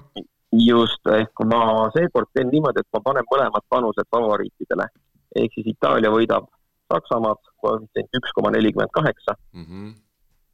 ja Tšehhid küll on juba üllatunud, aga enam nad ei üllata, ehk siis Sloveenia võidab Tšehhe, koefitsient üks koma kolmkümmend kaks. Aga Alar, ma kasutan võimalust siin küsida, minule Itaalia meeskond, noh, seal ei ole, seal ei ole Saitsevit pundis näiteks, see, on suhteliselt noor võistkond, et kas mina näiteks ütlen ausalt ära, mina panen oma esimese ennustuse täna Saksamaa peale, ütlen, et Saksamaa selle kohtumise võidab, koefitsient kaks koma nelikümmend kaheksa, minu viisteist eurot läheb sinna esimese panusena, aga aga mis selle Itaalia salapära on või selle Itaalia tugevus, et kas need noored on tõesti juba kõik siis nii head ja kogenud? ei ole, aga ma arvan, et äh, Itaalia edu võti ongi olnud seni võistkond et kui sul on Zaitsevi nimeline ja kujuline staar, siis see ei pruugigi alati hästi mõjuda. Äh, ja nüüd on asi palju ühtlasem, sul ei ole äh, võib-olla välja arvatud siis Janelli ühtegi sellist supernime, aga on leitud kooslus, on leitud meeskond ja sellepärast nad nii hästi on mänginudki ja sellepärast ma arvan, et nad on äh, võitmas ka Saksamaad, kuigi Saksamaa on nii hullu servi pannud juba mm -hmm. siin alagrupi turniiril kui ka edasi, et eh, kui satub hea servipäev, siis sakslased võivad lihtsalt serviga puruks taguda selle Itaalia. aga ma sellegipoolest usun, et eh, Itaalia mängib targalt, eh, sealne vastuvõtukool pigem selle pommservi jaoks sobib ja küll nad saavad kõrgete pallidega hakkama selge, võtame nüüd siis ette, viisteist ja viisteist läks siis Alaril vastavalt Itaalia-Sloveenia peale. mida Mihkel on välja nuputanud, kindlasti sa oled võtnud Eesti jalgpalliliiga ette, vaatad, kellega mängib siin äh, Infonet endise nimega, nüüd tal on juba ammu teise võistkonnaga liitunud. esiteks ma pean ütlema lihtsalt äh, selle niisuguse Mm, disclaimer'i ära, et ma ei ole elus ühtegi äh, spordiennustuspanust teinud ja ma ka põhimõtteliselt neid ei tee, aga selle tänase saate nii-öelda õnnestumise huvides ma toon loomulikult esile homme toimuva Flora ja Genti no, no, äh, UEFA konverentsiliiga mängu, see on siis esimene kord mm, -hmm. kui Eesti klubi on jõudnud eurosarja ala, alagruppi. räägi ära ka, palju pilet maksab, mis kell tuleb kohal olla, kas peab koroonapassi näitama? eks ole, et ma tean, et kaks pool tuhat piletit on juba müüdud, seda ma tean, nii et ehk siis mingi kolm pool, neli tuhat inimest äkki homme leiab tee A Le Coq Arena'le. aga jah, ma arvan, et seal tuleks äh, viigi peale panna, et äh, Flora, Flora ja Gent, jah mm,. ja mis see koefitsient on? neli koma neli. et, et näiteks, et noh, ütleme optimistina võiks Flora võidu peale ka panna, seitse koma kaheksa on, on seal, aga aga jah, et, et oleme siis saalomonlikud, et kas sul läheb viisteist eurot sinna või läheb kogu kolmkümmend? paneme kõik ikkagi sinna sa oled see Kaarel. te, te, või te, või me võime muidugi no, paneme veel midagi. teeme, teeme, võtame riski, et äh, ma Alari seda ennustust, kui sa hakkasid rääkima sellest äh, Tšehhi ja Sloveenia mängust, siis ma tahtsin just seal teistmoodi teha, et ma tahtsin öelda, Tšehhi äh, võtab revanši alagrupis saadud kaotuse eest Sloveenia käest. nii et viisteist läheb sinna? jah, teeme siis nii. ja mis see koefitsient nüüd Tšehhil oli, sa saad mulle öelda, mina olen juba selle eest ära võtnud. jah, ma ütlen, see on kolm koma viisteist kuule, aga tegelikult Alar, see ei ole ju halb pakkumine, Tšehhi, ega nad juhuslikult Prantsusmaad ei võitnud, nad ikkagi mängisid väga ilusat võrkpalli ja Sloveenia ei ole mänginud sel turniiril nüüd stabiilselt ülihästi. Äh, Sloveenia äparduski selles esimeses mängus. sest et äh, Sloveenia ju kaotas tšehhidele. just. see oli niipidi ja pärast seda on nad mänginud oma taseme välja. keegi vahepeal kuskil, kui ei mäleta jälle võrk, võrkpalligrupis rääkis juba pärast paar, paari mängu, et Sloveenial on samamoodi nagu Eesti väike riik ja põlvkondade vahetus, siis äh, ei tea, kust selline info pärineb, sellepärast täpselt seesama põlvkond ja needsamad mängijad, kes äh, EM hõbeda võitsid, seal võib-olla põhikoosseisust üks mees vahetunud. Äh,, siis täpselt seesama põlvkond mängib ikka veel ja jätkuvalt. Ja mul on usku neisse. ma enne EM-finaalturniiri, ma ei vaadanud muidugi alagruppe, ennustasin, et neli slaavi viiki, Venemaa, Poola, Sloveenia ja Serbia on need, kes äh, on favoriidid number üks medalitele ja kui Sloveenia nüüd võidab, siis nendest neljast kolm on ka poolfinaalides. Äh, ma küsin Alar vahele ära, aga kas sa tead, kes meie saates ennustas õigesti selle, et, äh, et sünnib üks üllatus seal äh, alagrupi turniiril ja, ja Tšehhi selle võidu saab? vot ei tea oli pime juhus. aa, pime juhus, see olin mina, ma tahtsin sulle öelda, mitte pime juhus. aga, aga selge, see on mu üks väheseid võite siiani, nii et võib-olla tõesti erand kirjutab reeglit. Andres, tuleme sinu juurde, mis on sinu selle nädala sellised nägemused, sina lähed siis meil eraldi, me paneme ikkagi võistkond Andresse kirja, sind sõprade alla ei saa panna, sest äh, Mihkel on meil täna sõpru esindamas. okei okay. äh,, oota, võib kolm mängu ka panna või Jaa, kolm asja? sul on lihtsalt kolmkümmend eurot, pane kasvõi sada okay. mängu. nii okay. aga ma panen siis äh, kolm asja. ma panen need äh, kaks võrkpalli. Äh, ma panen igal juhul soosikute peale, et Itaalia peale ja, ja, ja siis äh, Sloveenia. mõlemale kümme. ja, ja siis ma panen ühe siukse huvitavama ka, mis siin kõ- kõige populaarsemate ennustuste all oli Junkurit ja Pelicansi jäähokiliigat, et äh, et ma vaatasin, et äh, seal on võitude peal on kas kolm koma üks ja kaks koma null kaks, aga ma panen viiki, see on neli. et lisaaeg tuleb või? no ei pea tulema ju. nojah, selles mõttes jah, jah, aga see sina viik. normaalaja lisa, Normaal- normaalaeg viik jah. ja mis see koefitsient ütleb siis Soome? neli. neli, jugurid mängivad Pelicansiga. ma ütlen lihtsalt, et Soomes on, ma vaatasin spordiuudiseid jälle Soomes, on publik lubatud tagasi jäähallidesse, nii et seal no kohe siis ongi, meeskonnad, siis on mõlemad on pinges ja. keegi ei saa väravaid öelda, kas sa ainult null-null ikka lausa tahad sa täpsustada? No võib-olla mõlemad komistavad ühe, et kas null-null või üks-üks, aga rohkem ei viska keegi. selge, väga hea, näed, sa isegi teed termineid, et väravaid visatakse jäähokis, mitte, noh, võib ka lüüa, aga muidugi ikkagi ilusasti sedasi visatud. Lo ei loeta, kui sa lööd jalaga ju. jalaga päris ei tohi jah No. no., see võib su jala vastu minna, kui sa ise suunad jalaga, siis on vist, aga noh, see jäähoki äh, ei ole nüüd nii oluline, räägime hoopis. kuskilt peab teenima ka. absoluutselt, kust siis veel, kui kui mitte, võrkpalliga ei teeni, siis peab kui kuskilt. mitte võrkpalli, jah, kui mitte jäähokiviik. minul on nüüd jäänud siin üks asi panemata, õigemini kaks asja, mina ennustan siis, et äh, Saksamaa võidab Itaaliat, koefitsient kaks koma nelikümmend kaheksa, sinna läheb viisteist eurot, sellega jälle on plaanis nii-öelda hoida pere rõõmsana ja võtame siis jalgpalli meistrite liiga ka. alati ütlen äh, jalgpallisõpradele või võrkpallisõpradele, kui tahate äh, kontot kasvatada, pange Liverpooli peale. Liverpool mängib AC Milaniga, Ibrahimovic on eemal, kolmapäeval kell kakskümmend kaks null null see mäng äh, algab, nii et äh, ma ei tea, Mihkel millegipärast muigab, kas, kas sina jalgpalliinimesena näed, et Liverpool võiks mitte võita selle mängu? ei, ma mõtlen see Liverpooli fännlus nagu, et see on sihuke omaette teema, et aga las ta jääb praegu. okei okay,, seda praegu pikemalt ei hakka arutama. ja loomulikult, loomulikult ma ikkagi leidsin ka midagi veel sellist jälle spetsialisti valik, nagu me Rivoga ütleme ja mängib siis Soome käsipalliliigas mängib Cox Dickeniga. seda enne vaatasin kusjuures. Eesti, ma tean, Eesti käsipallurid on ka läbi aastate just Coxis mänginud, ma ei tea, miks.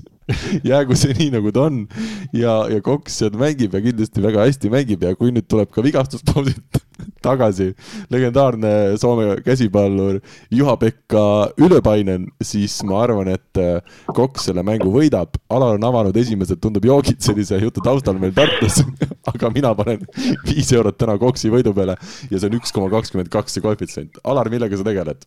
No jaa, kuulan, no eks, kusjuures ega selle koksi peale mõeldes, ma ei tea, kas Ats mäletab, aga võrkpalliklubi oli samanimeline noorte seas, ma olen isegi mänginud. see on seotud mingisuguse kooli või süsteemiga seal, et see ei ole täiesti suvaline nimi.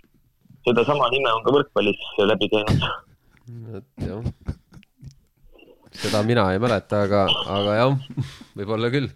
nii, aga Cox ja Dicken omavahel kohtuvad, suur mäng, ma ütlen ära ka, et see on kolmapäeval täna, mil me seda saadet lindistame kell kaheksateist kolmkümmend, ma ei tea, kas seda kuskilt vaadata saab, aga ma arvan juba tulemustabloolt vaadates selliste kaht-, kahe huvitava võistkonna nimega äh, satsi duelli, see on huvitav, meie aga võtame ette täna järgmise teema.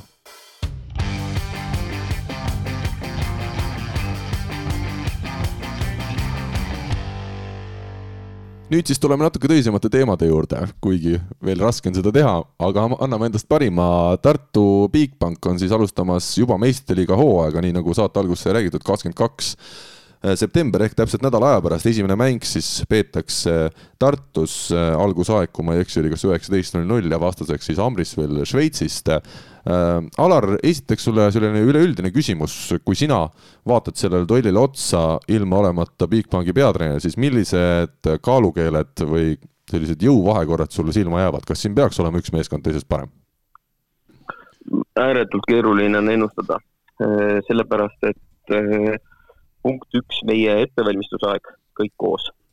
tänu sellele, et eh, tuli teha viimase hetke vangerdusi, tänu sellele, et eh, osad mehed olid koondise juures, on see väga lühike. usun, et Amrisvil see nimekiri ja mängijate eh, ostmine turul sai üsna varakult juba tehtud, ehk ma eeldan, et nad on pikemalt nüüd koos mänginud. just täna vaatasin, WhatsAppas mulle Whatsappi kaks esimest sõprusmängude videot, Mm. et eks ma hakkan nüüd kohe neid üle vaatama ja siis ma saan ka mängupildist eh, veidi parema ülevaate. aga Amrisvil on portsu eh, korralikul tasemel välismaalasi. kuus välismaalast ma vaatasin. Serbia Diago, siis on neil nüüd austerlane veel juurde tulnud, üks Diago, siis on Saksamaa kunagine koondislane, üks nurgaründaja, siis on neil Kuuba nurgaründaja ja Argentiina temporündaja ja paljud neist ei ole nagu üldse mitte sellised uued või tundmatud mehed, vaid on Euroopas tiirelnud mõnda aega. aga see, et Amrisvil on äh, üles ehitatud välismaalastele, on selle klubi puhul nagu üsna tavapärane praktika. et äh, on ka mehi, kes on jäänud eelmisest hooajast paika. Äh, kindlasti ei saa see olema sugugi mitte lihtne ja loosi üle õnnelik ei saa olla, et me just sellise vastase meistrikirjaga eelringi saime mm.. ma vaatan sedasama Dima Filippovit, kes on siis Kreeka kodakondne, tema on mänginud muuhulgas Jašembias Galatis, äh, Thessaloniki Paukis, et niisugune mees, kellel ikkagi sidemängijana seda kogemust on kõvasti. Äh, sa ütlesid juba ka, Saksoni Björn Hööne, me enne saadet rääkisime Andresega, et see on vist mänginud Rennis kunagi Gert Toobaliga koos, nii et väga kvaliteetne nurgamees Saksamaalt ja, ja mitu legionäri veel, et siin on üldse küsimus, kas mõni kohalik mees Šveitsist ka väljakule pääseb või peab olema seal makkara järjekorras pärast teist game'i, et Alar, kuidas sulle tundub? No vaadates äh, seda meeskonna nimekirja, siis tundub, et üks temporündaja peab Šveitsist pääsema ja üks libero peab Šveitsist platsile pääsema mm. -hmm. et äh, positsioonid on lihtsalt nii jaotatud, et ülejäänud on välismaalased suure tõenäosusega. ja Šveits on olnud tolerantne ja seal ei ole erilisi piiranguid välismaalaste osas, nii et, äh, et eks ta kokkuostetud võistkond on samas heal tasemel. ma jään absoluutselt vastuse võlgu, sest ma ei tea, aga ma eeldan, et ikkagi kordades suurema eelarvega kui meie mm. -hmm. et pigem me läheme me lähme nagu üllatama, aga teistpidi vaadates oma võistkonnale otsa, ei tunne ma kindlasti aukartust, et meil on samamoodi kvaliteeti, et mängida head võrkpalli ja, ja, ja nendega võidelda. ma ütlen mm., ma ütlen vahele ära. ega nad tulevad üsna kohe ju, need mängud. just, ütlen vahele ära, et võistkonda juhendab siis argentiinlane Juan Manuel Serra Malera, kes äh, eelneval kahel hooajal oli siis Frankfurti peatreener, varem olnud muuhulgas ka Hiina koondise abitreener ja Argentiina naistekoondise abitreener, äh, lisaks veel Saksamaa koondise vist meeste abitreener, et, et äh, treeneriga on kõvasti, ütleme, kogemusi selja taga. kas siin võib saada alal täpselt samamoodi otsustavaks see, kellel on rohkem kogemusi, kui me vaatame Amrisvilli, täna tundub see väga selline kogenud võistkond, samas äh, sinul on seal äh, sidemängija Aleksander Eermaa ikkagi sellisel tasemel esmakordselt äh, väljakule minev mees. sul on seal Valentin Kordas, kes ka eurosarjas varem ju mänginud ei ole, et päris mitmed põhitegijad on, on sellised, kes mängivad üldse esimest korda taolisi mänge. tõsi ta on, aga see on nüüd mängijate endi peas paika mõtlemiseks ja ka treeneritele Äh, nii-öelda suunamiseks, kuidas need pinged maha võtta ja kuidas mehed oma parimat esitlust äh, näitama panna. et see on meie eesmärk nüüd, sest ega meil siin kokku, nagu kokku mängu lihtimiseks ja mingite süsteemide selgeks õppimiseks ju väga palju aega pole. et me püüame põhiasjad paika saada järelejäänud nädalaga ja, ja lihtsalt äh, leida nii hea koostöö, kui saab, aga, aga nagu väga detailselt see, kuidas mulle meeldiks võistkonda ehitada, kuidas äh, mulle meeldib mingisugused süsteemid, ideed ja taktikalised asjad paika saada, et selleks meil aega ei ole ja, ja ma ei hakka ka siin selle lühikese ajaga nüüd meestel mingisuguseid tehnilisi asju ümber tegema, mida ma näen, et pikas perspektiivis peaks. aga kuna mängud tulevad nii kohe-kohe, siis lihtsalt tuleb olemasolevast meeskonnast see maksimum välja pigistada. no Mihkel, sa oled täna ikkagi hoolimata sellele, et sul on kollane kaart juba saate algusest all ennast väga heast küljest näidanud ka võrkpallialaste teadmiste osas. kuidas sulle see tänane Tartu Bigbanki võistkond äh, tundub? päris ikkagi mitmed vangerdused, lisaks on Gert Toobal siis vigastusega eemal ja TalTechis toodi Aleksander Eerma teda siis äh, hooaja esimeseks pooleks asendama. ja ma lappasin ka seda vastaste klubi kodulehte siin ja noh, need äh, päris, päris pikki aastaid ju tegutsenud iseenesest ja ka eurosarjas jõudnud siin kas kaheksandikfinaali ja veerandfinaali mitmel, mitmel heal aastal, aga, aga Tartu koha pealt on jah, see huvitav nagu, mm, huvitav kooslus selles mõttes, et ei ole ju või uutest, uutest, uusi mängijaid on päris mitu, et ja just nagu erineval, erineva taustaga, et üks asi on, kas me räägime äh, räägime seal jah, nendest, nendest, kes päris esimest korda eurosarja mängivad või siis me räägime Juhkamist näiteks, et seal on nagu noh, päris, päris suur vahe, et pigem kuidas see kõik nagu kokku kõlab ja noh, eks äh, Alar teab siin nagu kõige paremini, aga noh, Eesti tasemel on materjali siin ju, ju, ju küll ja enamgi veel, aga lihtsalt küsimus ongi, et noh, vast-, mõlemal on see ju hooaja esimene mäng, ka vastastel ei ole ju veel hooaeg alanud, et lihtsalt mis sealt kõik kokku tuleb, et noh, võib-olla, võib-olla mingi väikse eelise ehk vast annab see, et avamäng on kodus, et äkki see midagi, midagi, kui üldse otsida mingisuguseid plusspunkte, aga see on noh, see on see uue hooaja eelne, meil on nagu siin põnev vaadata ja jälgida, et Alar ilmselt mõtleb ja muretseb, et kuidas nüüd see, see, mis on, mis on proovitud, realiseerub, et, et eks see on väga, väga keeruline, et saada mingi pilt ette nende, nende treeningmängude, et kui sa mängid siin Selveriga äh, neli game'i, äh, noh, et sa saad mingi pildi ette, aga see on niisugune ikkagi hoopis teine pinge ja, ja hoopis teine nagu tasand, et noh, õnne, õnneks on need, neid nii-öelda vanu mehi seal piisavalt, kes noh, ma ei tea, ütleme, võib-olla mitte hea mõttes nii vana, aga noh, Kevin Soo kas või on, on ju ikkagi no ütleme, Kevin Soo peapael on juba, ütleme, vanem kui mõne Tartu mängija vanus üldse absoluutselt. ja noh, Mart Naaber ja, ja noh, et variante on, aga lihtsalt, mis sest, mis sest kokku tuleb, et ega ega see, see koosseisu vahetamine või komplekteerimine üldse kahe hooaja vahel, et et kui neid muudatusi võistkonnas on juba siin kolm, neli, viis, et siis noh, see õige hoog tekib, tekib tihtipeale nende võistlusmängude käigus alles päris karm on minu arust see maailm ikkagi spordis, me räägime eurosarjast, milleks on ju Tartu Bigbank paljuski tänavu ka komplekteeritud, samamoodi nagu Kalev Cramo oli meil korvpallis komplekteeritud. Ja siis seesama meeskond, kes ei ole jõudnud veel oma liigat alustadagi, see oma liiga algus on mitmete nädalate taga, peab need hooaja kõige tähtsamad mängud eurosarja siis eelringis, et üldse pääseda sinna eurosarja, peab ajal, mil võistkond äsja on koondise juurest kokku tulnud, sisuliselt noh, ütleme sekundid hiljem, et Albert Hurt ja Rait Rikbert tulevad võistkonna juurde ja juba on neil tähtsad meistriga mängud, et Alar, nii nagu sa ütlesid ka, see on ikka päris karm see saatus, jah?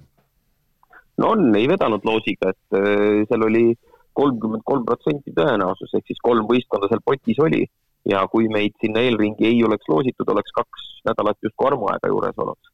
ehk äh, võimalus alustada järgmisest ringist see on muidugi hea, et loosiga saab, et loosiga saab vasakklubid, et võiks juba rõõmustada, et Tartu oleks saanud eel, eelringist edasi. ei, aga seal vist oli ainult üks, et äh, mul just äh, vana võistkonnakaaslane mängis, äh, oli siis kolm tükki, oli ka Armisil, Bigbank Tartu Slovakid. ja siis Slovakkia klubi Komarno olid seal ja, ja just, siis ma just. Olid need, kes ei pea mängima. jah, ja nemad olid ikka väga-väga õnnelikud, sellepärast et nad ei oleks tahtnud kuidagi, esiteks juba nad naersid selle üle, et raha jääb natukene rohkem alles, on ju, et aga, aga, aga puhtalt see ka, et, et et, et nad said koheselt edasi, et nad, nad nemad olid ikkagi väga õnnelikud selle oota, ma pean täna, kui Mihkel on siin tegema selle nalja ära ka, et Mihkel, ma just ütlen sulle, meil võrkpallis ei ole nii, et sa saad eelringist edasi, saad kolm miljonit eurot. Et võrkpallis see eelring on kulu. lihtsalt, lihtsalt seda teaksid jaa, ei ma tean seda, aga kolm miljonit saab alles siis, kui sa võidad umbes mingi kolm-neli vastast ja pääsed alagruppi, aga, aga jaa, ei, see on nagu karm, et noh, ma, nagu ma aru saan ka Bigbanki ettevalmistusest, tegelikult on noh, ega tehtigi ju äh, see, mis, mis võimalik on, ehk kui Meresaar töötas meestega, kes, kes eraldi oli äh, või noh, kes eraldi, äh, kes ei, kes ei olnud koondis, töötas nendega eraldi ja siis lõpuks noh, see pannaksegi kokku, et aga noh, ütleme, kui sa saad satsi endale kümme päeva enne, noh, umbes kümme päeva või kaks nädalat enne või vähem kui kaks nädalat enne hooaja võib-olla olulisemaid mänge saad enda kätte satsi, et siis iga, iga spordiga kursis olev inimene saab aru, et see noh, see on natuke selline noh, noh jah, aga samal ajal treener peab ilmselt selles olukorras mõtlema ka niimoodi, et me ei tohi siin väga pikalt jahuda sellest, et on ja. Äh, raskused, teeme selle, muudame seda, mis meist sõltub. aga teine asi on ju see, Alar, me võime vaadata ka niipidi, et kui nüüd meie saame Amrisvilliga kaks head mängu, oletame, et me pääseme siit edasi, meil tuleb järgmine vastane, siis meil on juba väike eelis, meie oleme kaks tähtsat mängu ära pidanud ja võib-olla hoopis kokkuvõttes see tuleks meile kasuks vaata, seda ma ei tea, sellepärast et sealt järgmises ringis ootab äh, vastane Portugalist väga võimalik, ma ei ole vaadanud Portugali liiga ajakava, et võib-olla on nad juba kaks mängu kohalikus liigas head ka alla saanud. see ei ole nii määrav, ma arvan. aga, aga mingisuguse eelise ta annab, et sul on juba see reisimine olnud ja, ja sa oled natuke selles rütmis sees olnud, aga noh, vahed on ikkagi korralikud. ega meil midagi lõbusat ei ole, kui me võidame, siis meistrite liiga on ju iga nädal. et eh, üks kolmapäev mängid sa kodus, järgmine kolmapäev mängid sa võõrsil, nädal hiljem jälle mängid kodus, jälle võõrsil, et see on ikkagi üsna ogar graafik, aga see ogar graafik on ka äh, igati loogiline, sellepärast et eelringid peavad olema mängitud ja mingi hetk peab hakkama meistrite liiga põhiturniir pihta. Aga räägime nüüd äh, sellest, mis on juba tehtud ka, te mängisite siis reedel ja laupäeval pärast seda, kui Argo Meresaar kahetsusväärselt oli oma kaotuse TalTechilt kätte saanud ja loobus peatreeneri rollist, lasi sind ja Oliveri taas äh, puki otsa. Mängisite Selveriga, meil on suur rõõm ja ma ütlen ausalt, suur ka rõõm, et meil saates ikkagi löövad ka kaasa kaks Eesti tugevat, tugeva klubi peatreenerit. Te mängisite omavahel, Bigbank ja Selver. mõlemad mängud reede-laupäeval lõppesid siis kaks-kaks tulemusega, mõlemat mängu Tartu läks juhtima kaks-null ja lõpuks Selver sai kaks viimast game'i kätte. aga vaataks ükshaaval läbi, Mart Juhkami mees, kellelt ikkagi oodatakse väga palju sel hooajal, ma arvan, et ta ise ootab ka, kogenud mees, alles eelmisel aastal mängis veel meistrite liigas. nüüd siis Tartu ridades esimeses mängus neliteist punkti pluss kümme, mängis seal no ütleme suures plaanis vist kolm game'i ja teises mängus Juhkami mängis suures ja plaanis kaks game'i, viis punkti pluss üks, millises seisus täna võistkonna rünnaku üks liidreid äh, Juhkami on, Alar? ma ei julge sulle öelda, et äh, Marti on rünnaku liidreid. Äh, sellepärast, et esiteks ei ole veel mul päris paigas algkoosseis. teiseks, needsamad sõprusmängud suurt midagi ei näita, sellepärast et kuna me tegime šveitslastega kokkuleppe videoid jagada siis asetused või mängijate paigutumine platsil oli kindlasti ka vastase segaduse ajamiseks mm.. ja äh, sama, mis ma ütlesin ka oma meestele, mängud Selveriga ei olnud tulemuse peale. eks sellest kaks kahest mina ei soovi midagi järeldada, loomulikult on asju, millega ma rahul ei olnud, on asju, millega ma rahul olin, aga, aga no ma usun, et sellesama järele jäänud nädalaga mitte ainult juhkamist, vaid igast mehest õnnestub veel äh, rohkemat välja pigistada räägime Taavet Lepikust, minu jaoks natukene ütleme, ma ei tea, kas murettekitavad numbrid on õige väljend, aga esimeses mängus Lepik kahe game'iga umbes, noh, seal oli, ma ei näinud neid mänge, kuna ma ei olnud ise Tartus, aga statistikale tuginedes umbes kaks game'i, seitse punkti pluss kaks ja teine mäng Lepik kolme game'iga umbes siis kaheksa punkti pluss üks. samas, kui vaatad protsente rünnakul vastuvõtul, ei ole kõige kehvemad, kas Lepik on valmis euromängudeks? Äh, ma usun küll, aga täpselt sama jutt, mis Marti puhulgi. seal on ka reservi, äh, proovime veel saada, me tulime ka eelmine nädal natukene sellise raskema jõusaali pealt neid mänge mängima. ja see nädal äh, on siis eesmärk natukene teravusele, jõusaali pool veidi lihtsamaks tõmmata, see peab ka mänguks andma natukene sellist veidi hüpet juurde, veidi särtsu juurde, et kui me nüüd sel reedel ja laupäeval mängime viimased kaks mängu RTU-ga siis lätlaste vastu on küll nüüd hoopis teistsugune fookus, seal me ei lähe enam mängima ja katsetama, vaid seal me läheme tulemust tegema. Alar, kas neid mänge kuskilt näeb ka või, kas on Tartul plaanis teha mingisugune kasvõi telefoniga kuskil panna, et, et ma usun, et äh, jõuame sinna, kus me koondise juures olime oma saates mõned nädalad tagasi enne EM-i, et äh, ma usun, et neid võrkpallisõpru, kes tahaks näha, millises seisus on Tartu Bigbank äh, enne ülitähtsaid mänge meistrite liigas, neid võrk-, võrkpallisõpru jagub seal on nüüd kaks asja, ma eile rääkisin sellest Hendrik Vikandiga, kes mulle veel vastust ei andnud, aga minu esimene ettepanek oli see, et kõige parem võimalus seda mängu näha on koha peale vaatama tulla. noh, nüüd on see võimalus, jah. ta otsustab, et eh, need mängud on publikule avatud, sellepärast et eh, see viga, mis sai tehtud Eesti koondisega enne EM-finaalturniiri, et me mängisime Hispaania vastu suletud tribüünide ees, siis täitsa vabalt oleks ju võinud kas või ühele mängule tuhatkond inimestki lasta. Eh, saaks ka mehed natukene üle pika aja, ma ei tea, poolteist aastat mõne mehe jaoks veidi publiku eest mängida. et ma ise sooviks, et kasvõi natukene sellist lärmi ja pealtvaatajaid, see annab veidi sellise feeling'u selles konkreetses saalis ja aitab kindlasti ka valmistuda paremini selleks eurosarja mänguks.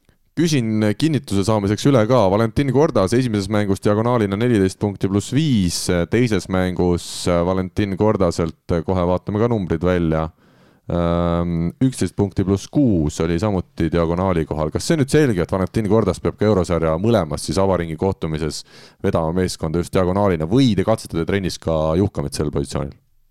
ma arvan, et eh, meil ei ole väga aega katsetada.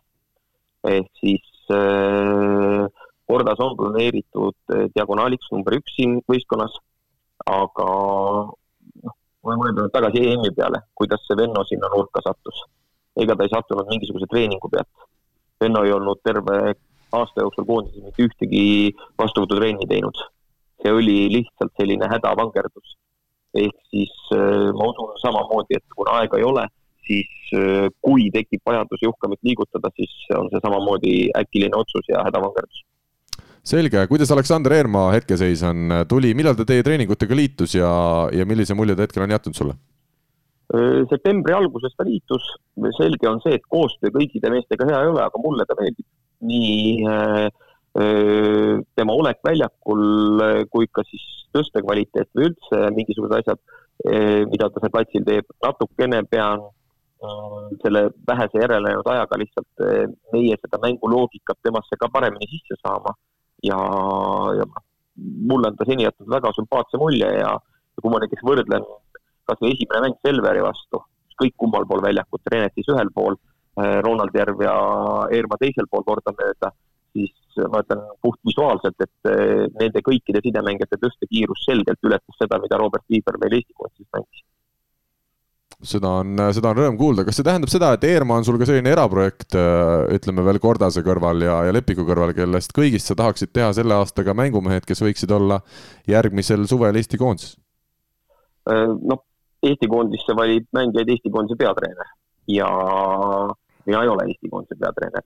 Irmaga on natukene teistsugune olukord, nii nagu avalikkus ka teab täna, et ta ei tulnud ju eh, TalTechist meile üle, vaid ta tuli meile appi pooleks hooajaks.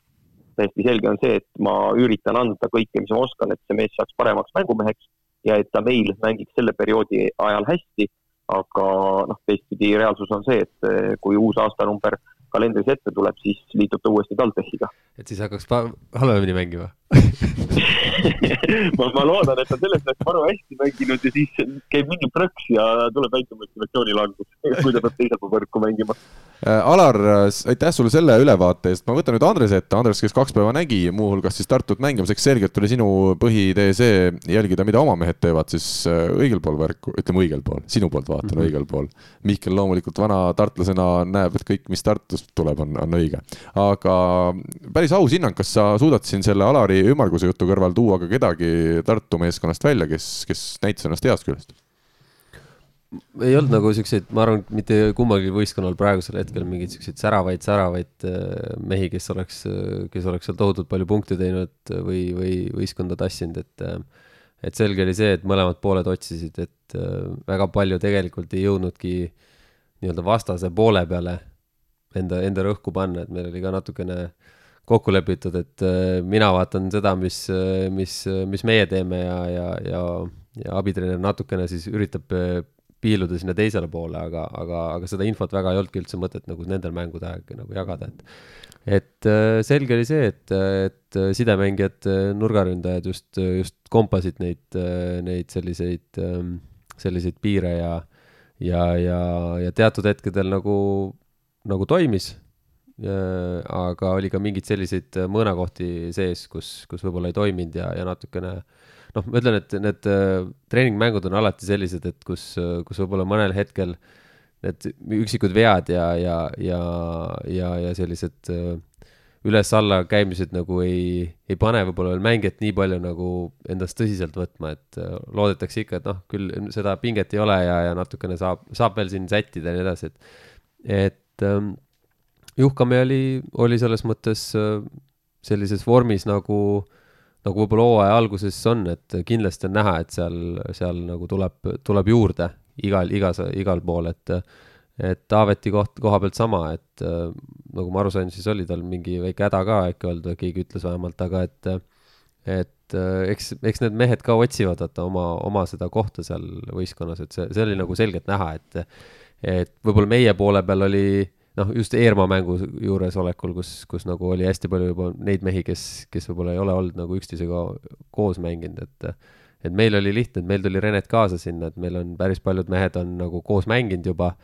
ja, ja võisid ka nagu sihuke pimesi mitte ühegi trenni pealt äh, nagu seda mängu mängida, et ähm,, et võib-olla meil oli selles mõttes natuke lihtsam, et äh, aga, aga noh, ma arvan, et äh, kui siin, kui siin ikkagi selle nädalaga siin äh, Alar saab, saab natukene võib-olla süsteemsemalt selle asja paika ja ja, ja, ja sidemängijale ka võib-olla natukene seda mänguloogikat noh, ütleme nii, et vähe selgemaks teha või, või, või mugavamaks teha, siis, siis, siis sellisel juhul, kui tempoosakond saab ikkagi ka ennast käima, siis, siis ma arvan, et Tartu läheb tunduvalt, tunduvalt ohtlikumaks, et ma ise natukene arvasin selle mängu juures, et ma olin natuke pelglik, et äh, kuna meil ei olnud terve selle aja nagu olnud äh, kahte sidemängijat trennis ja, ja, ja praegult teise sidemängija ikkagi taset, äh, ta pole kunagi selle, sellisel tasemel mänginud, et noh, et kuidas me sinna lähme ja, ja kui palju me üldse suudame nagu Tartule anda, siis, siis ma arvan, päris esimene mäng eriti, et kuna meil läks päris sihuke game'i lõpud nihuke pingeliseks, et ma arvan, et see oli, see oli Tartule väga vajalik, oli meile vajalik, et ma arvan, et läks, läks selles mõttes hästi Alar, kas selline võimalus on veel, et kui te vaatate siin septembrikuu jooksul, et kuskile positsioonile on ikkagi hädasti veel ühte meest äh, juurde vaja, teil hetkel siis võistkonnas ei ole ühtegi legionäri, et siis klubi on vähemalt omavahel arutanud, et kas mingid rahalised variandid oleks keegi tuua välismaalt või siis ma ei tea, kui Eestist veel kedagi leiab juurde võistkonda? Mm, ei ole seda arutanud, ehk siis äh, tegelikult trennis on mehi päris palju ju ja mõned asjad tuleb sul veel lõplikult kokku ära leppida. et eh, ma olen öelnud eh, oma eesmärgi, et lõplikusse nimekirja võiks jääda neliteist meest. ehk siis võrdselt kõikidel positsioonidel. möödunud hooaegadel meil päris nii ei ole olnud, meil on olnud kaksteist või kolmteist või sellised ebamäärased, neljateistkümnega lihtsalt pikas perspektiivis on kõige lihtsam teha trenni ja igale positsioonile on vahetus olemas. on see siis põhjus vigastus, vigastus, haigus, äh, ükskõik mis muu, et nii oleks endal kõige mugavam toimetada, et äh, ei taha seda ringi ajada suuremaks. mõned mehed peavad trennis lihtsalt asjatult liiga palju istuma ja, ja ka noh, see roster tegelikult ei ole lõplikult paigas, ma arvan, et äh, vahetult enne seda meistrite liiga mängu saabki lõplikult siis äh, näha seda nimekirja, milliste meestega Bigbank Tartu algaval hooajal mängib aga ei ole täna veel otsimas äh, väljas täiendust ja see peaks olema mingi selline erandjuhtum.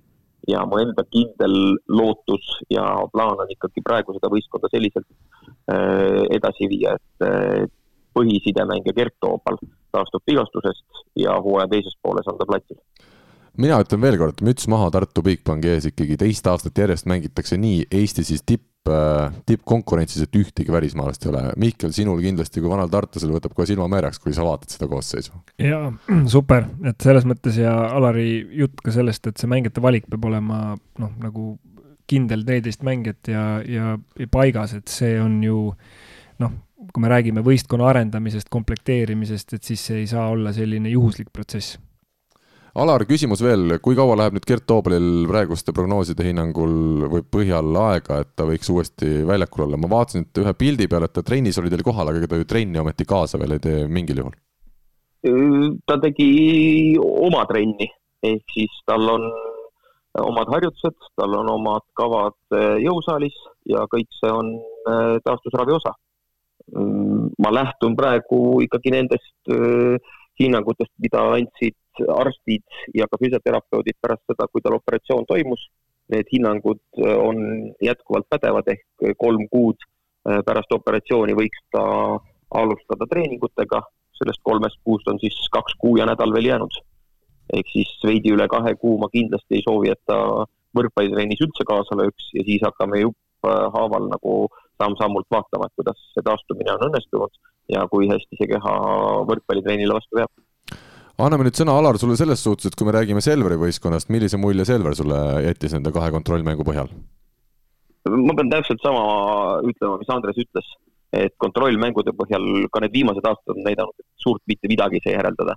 et eh, eks seal käis eh, selline kompamine, eh, vahetamine või time-out'ide võtmine üldse mitte loogilistel aegadel. mulle meeldis, et meil oli väga palju tasavägiseid geime mulle ei meeldinud see, et me kaotasime päris mitu tasavägist geimi. aga nagu ma ütlesin, tulemuse peale see mäng ei käinud, ma tahtsingi, et meestel oleks pinge. ma tegin selliseid vahetusi näiteks pärast kahekümnendat punkti, mida ma kindlasti ei teeks mängus, kui mul on äh, tulemus oluline. et äh,, et nad täitsid oma eesmärgi, Selver, noh, ega ta ei üllatanud millegagi, nägin lihtsalt esimest korda seda Selveri legionäri platsi peal. tundub igati korralik mängumees aga ega mul mingisugust taktikat või plaani, kuidas tema vastu mängida ei olnud. ma andsin meestele üsna palju taktikaliselt äh, vabu käsi ja eesmärk oli pigem omavaheline suhtluskommunikatsioon, et äh, tagaliit teaks, mida Eesti teeb ja et nad omavahel äh, selle asja paika saaksid, mitte see, et mingi mehe vastu hakkame siin või seal seisma või kellelegi plokis piiri võtma või lahti jätma. et see ei olnud selline taktikaline mäng. täiesti okei okay, füüsiliselt tundus juba Oliver Orav, kuigi kui ma temaga enne mängu rääkisin, siis ta ise ütles, et kõik veel ei ole sugugi hästi. Deniss Losnikovi nägi üle mõne jälle nurgaründaja positsiooni äh, oma vanas seaduses. Ja noh, ei ole mingi saladus, et ega korra käis ju ka koondise puhul varblase nimi temporündajate osas läbi, aga peatreeneri otsus oli kaasata vähem temporündajaid siia koondise teise poolde. Ja sellepärast ka temal võimalust ei olnud, aga mõned teised mehed ju jäid välja, et tema jättis päris sellise sümpaatse ja terava mulje. aga noh, Renetiga sa oled seitse nädalat koos olnud, sa tead, mida ta on võimeline tegema, tegelikult ilusat kiiret mängu mängima ja näha oli, et äh, platsil tundis ta ennast selgelt vabamalt nendes olukordades võrreldes, kui ta koondises pidi olema. küsin kiiresti vahele, mul enne unustas küsida, Alex Saaremaad ei olnud, ta sai mingi pisivigastuse või? ja tal oli väike hüppeliigese vigastus, eilsest alates tegi juba trenni täies mahus kaasa. Kuidas, kuidas ta seekord vigastas ennast? me teame, eelmine aasta oli päris huvitav see vigastus, kas sel aastal on midagi analoogset kõik on huvitav mis ta tegi siis ei ole vaja avalikustada no peaasi, et ta on vähemalt tagasi tulemas, nagu sa ütlesid, jah? ta on, ta on juba tagasi trennis ja isu on suur. Äh, Riia vastu kindlasti panen ta väljakule, vaatan, kuidas ta platsil hakkama saab. eilse põhjal siis äh, rünnaku osas on teravus, on võim olemas kindlasti ploki liikumised ja korrektsus plokis on see, millega nüüd tuleb veel tööd teha. no kui Tartu puhul äh, oleme me nüüd siin sellest võistkonnast rääkinud ja võrreldes eelmise aastaga jätame Gert Toobali ka eemale, kes siis ongi hooaja esimese poole kõrval, on siis põhimeestest alles libero Rikberg, temporündajad Soo ja Saaremaa, nurgaründaja Hurt ja sellega asi piirdub siis Selveris äh, on ka kadusid, aga ikkagi pool põhivõistkonnast on jäänud umbes samaks, vanker sidemängija, temporündajad eelkõige siis ilmselt Varblane ja Aru, üks nurgamees on Orav, aga kui me vaatame suurt plaani, siis te olete jäänud ikkagi lihtsalt õhemaks. ei ole teil enam kolmikut. Teppan, Raadik, Kollo, äh, selle asemel on siis äh, üks mees põhimõtteliselt, see uus mees on Pierce Johnson, temast me kohe räägime, ja treenerite pingil siis samuti nii-öelda iga mees tõusis lihtsalt astme võrra kõrgele, kõrgemale, Vassiljev läks ära Poolasse, sina kerkisid abitreeneri kohalt siis peatreeneriks ja senine siis, kuidas öelda, abi, abi, abimees. mis, teeme tuttavaks ka.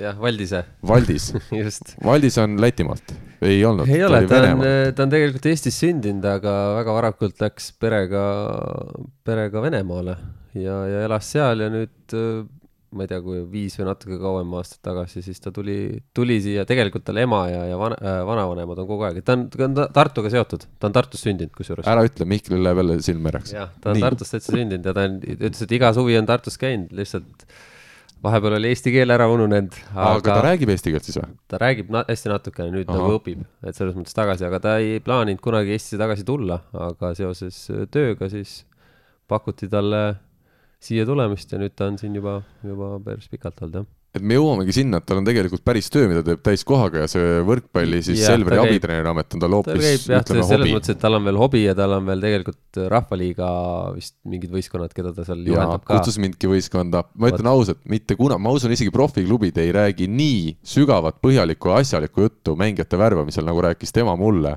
kui ta tahtis mind Rahvaliiga võistkonda saada, aga ühte rannahundiks saanud meest enam tagasi ei saa liidu. no vot, et äh, siis tal on ka veel vaja natukene lihvimist ikkagi, päris, päris kõike ei olnud. aga jaa, äh, seis on jah, nagu siin naljatades on, et iga aasta, kes Eesti meistriks tuleb, et siis järgmine aasta tuleb väike sihuke nagu õhenemine pigem kui, kui see, et leitakse, ma ei tea, juurde, juurde sponsorid, asju, et äh, jah, eesmärk on natukene kaasata siis nooremad mehi ka siis äh, äh, Selveri süsteemist. Äh, ja, ja meil on seal mõned noored, kes, kes on, on siis valmis tulema ja aitama, et meie, meie eesmärk noh, nagu siin on, on, on võetud, et pigem ikkagi need paar meest, kes, kes siin on, on ikkagi suunaga välismaale, et need mehed ka saaksid, saaksid sinna minna ja, ja järgmisest aastast vähemalt ja, ja, ja kasvatada siis nagu nii-öelda alt natukene siis neid äh, mehi asemele, kes, kes hakkaksid nüüd äh, seda kohta üle võtma, et selge on see, et praegu sidemängija kohale nii lihtsalt seda, seda asja ei tee, on ju, et temporündajate osakonnas on Eestis ka jälle nagu niisugune väikene mõõna, mõõnaperiood, et et Mark Saru on meil siin selline noor talendikas mees, aga kes nagu pärast teda, teda nagu tuleb, et seal on jälle niisugune tükk tühja maad, et et selge on see, et meil, meil on hästi, et meil on, meil on olemas Losnikov ja Orav, kes võib-olla väga palju ei, välismaale ei pürgi ja, ja on, on sellised tulised võitlejad ja, ja, ja selle võistkonna eest nagu alati väljas olnud ja ja aga, aga ma ei ütleks jah, et võib-olla vahetusest jah, et ei ole nii palju nagu võtta sellisel tasemel, aga, aga samas eks see on natuke teistmoodi, teistmoodi aasta meie jaoks ka, kus, kus me võib-olla annamegi võib-olla nendele teistele meestele teatud olukordades, olukordades võimaluse mängida ja, ja, ja teha siis nagu endale nii-öelda tuleviku jaoks teed. ütle päris ausalt, palju see treeneri, ütleme või treeningute kvaliteet seetõttu kannatab, et ongi Vassiljev eesotsast ära läinud, et kui meil eelmine aasta oli kolm meest, Vassiljev, sina aitasid teda igapäevaselt ikkagi täiskohaga sealjuures ja Valdis oli veel nii-öelda lisana mm, -hmm. siis nüüd oledki sina mees, kes peab igapäevaselt kõiki asju organiseerima, ma saan aru, alates treeningaegade märkimisest ja nii edasi, ja Valdis käib sul abis siis, kui ta jõuab ja saab, et see on ikkagi päris raske olukord, ma eeldan. jah, eks see lihtsamaks ei läinud, et äh, selge on see, et äh, kui eelmised aastad aitasin mina rohkem nagu jõusaalis, siis see, see pool jääb natukene nüüd nagu tahaplaanile ja nii edasi, et aga, aga treeningutes äh, noh, ongi puhtalt tuleb see, et meil ei ole enam nii palju professionaalseid. see tähendab, et hommikul on meid vähem. See tähendab seda, et võib-olla ka neid abikäsi ei ole nüüd nii palju vaja, et kui me teeme hommikul siin trenni, ongi nelja-viiekesi, võib-olla mõnel päeval, heal päeval on kuus ainult, on ju. et see, see nii on hetkel, aga, aga siin on, on need, nii-öelda töömehed on näidanud, et, et nad suudavad ka töö kõrvalt piisavalt taset hoida. et kui kaua see kestab, see on nüüd omaette teema, aga, aga senimaani on nad, on nad seda suutnud ja eelmine aasta ka Orava näitel kogu aeg põhis olla, samal ajal tööl, tööl käia, et, et on nagu näidanud, et see võib-olla on tema see selline pluss, et, et ta et ta suudab oma muud pinged võib-olla seal töö juures kuidagi ära hajutada, mis võrkpalliplatsil ja vastupidiselt, et et me katsume nii hakkama saada, nii edasi minna ja, ja selge on see, et natukene võib-olla need hommikused trennid ongi siis väga-väga individuaalsed, need mehed, kes meil on kohal. Ja, ja õhtu, kui, kui mul on abiline ka ja, ja me üritame nagunii, see periood on, hakkab nüüd läbi saama, kus, kus väga palju nagu läks võib-olla mingi sihukeste väikeste nüansside, et nüüd, nüüd juba läheb nagu rohkem asi mänguliseks ja, ja ma arvan, et me saame väga hästi hakkama ma hakkasin juba mõtlema, et kui sa rääkisid, neli-viis meest käivad hommikul trennis, et võib-olla Valdis ajas sassi, kutsus mind rahvali, kas see tegelikult see põhjalik jutt käis selle kohta, et oleks vaja Selveril hommikusse trennimehi juurde? Aga no, ei olnud nii? ei olnud, ei olnud mm. -hmm. sa võib-olla lootsid küll nüüd, aga. ma ei tea, kaua ma seda saadet pean tegema, et lõpuks meistriliigasse mõni uks avaneks. Alar, ega sul ka ju Tartus, sa ütlesid, et sul on niigi mehi rohkem, kui sinna rosterisse lõpuks mahub, jah?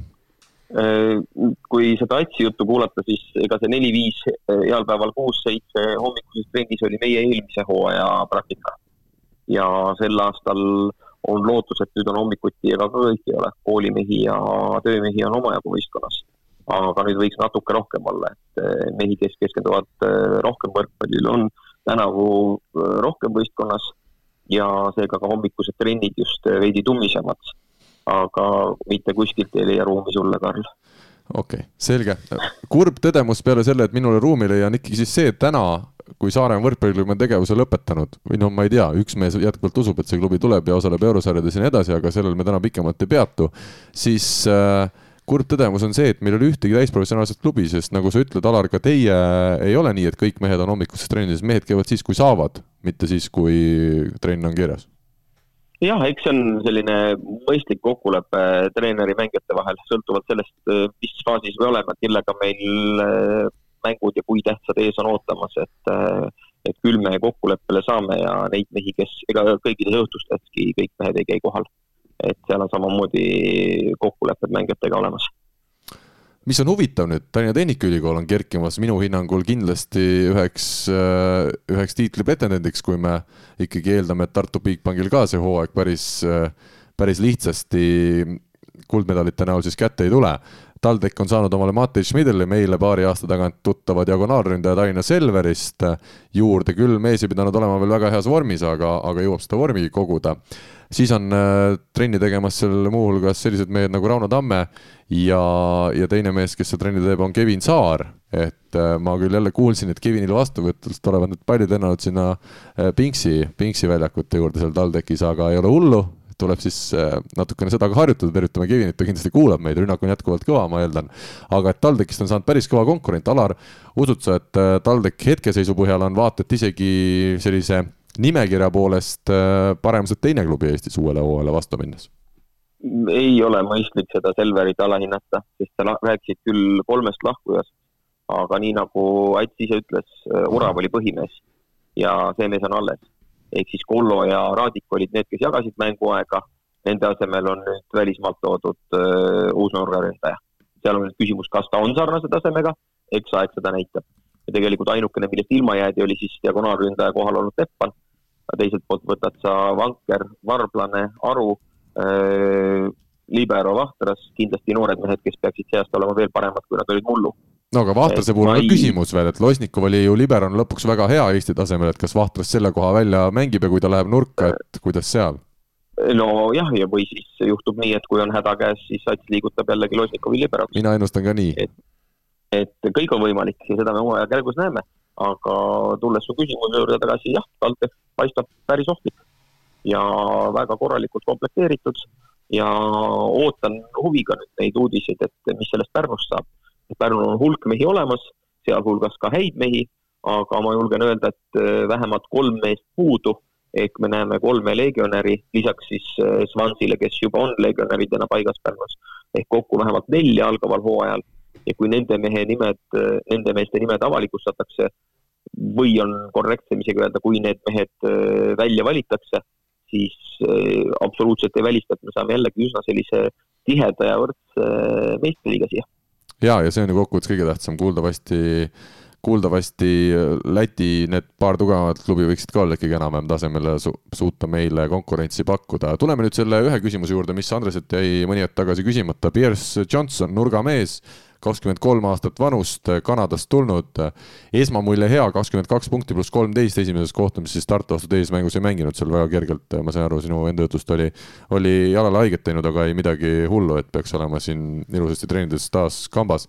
kas esmamulje on hea, küsime siis sellise küsimuse jaa, et äh, tegelikult võistkonna juurde oli väga vaja sellist, äh, sellist noort motiveeritud meest, et ta on, on, on tõsiselt äh, valmis kõikide pallide eest ükskõik kuhu hüppama ja järgi, kas et, et tõi nagu tegelikult treeningutesse ka sihukest natuke juttu juurde ja, ja sihuke võib-olla eestlaslikult on meil natuke vahepeal vaikus seal ja, ja kõik nokitsevad oma asjade kallal, et et jaa, ma arvan praegu, et esmamulje on hea, loomulikult me ju ei tea, mis, mis hakkab toimuma siis, kui, kui läheb nagu päris mänguks ja tuleb pinged ja nii edasi.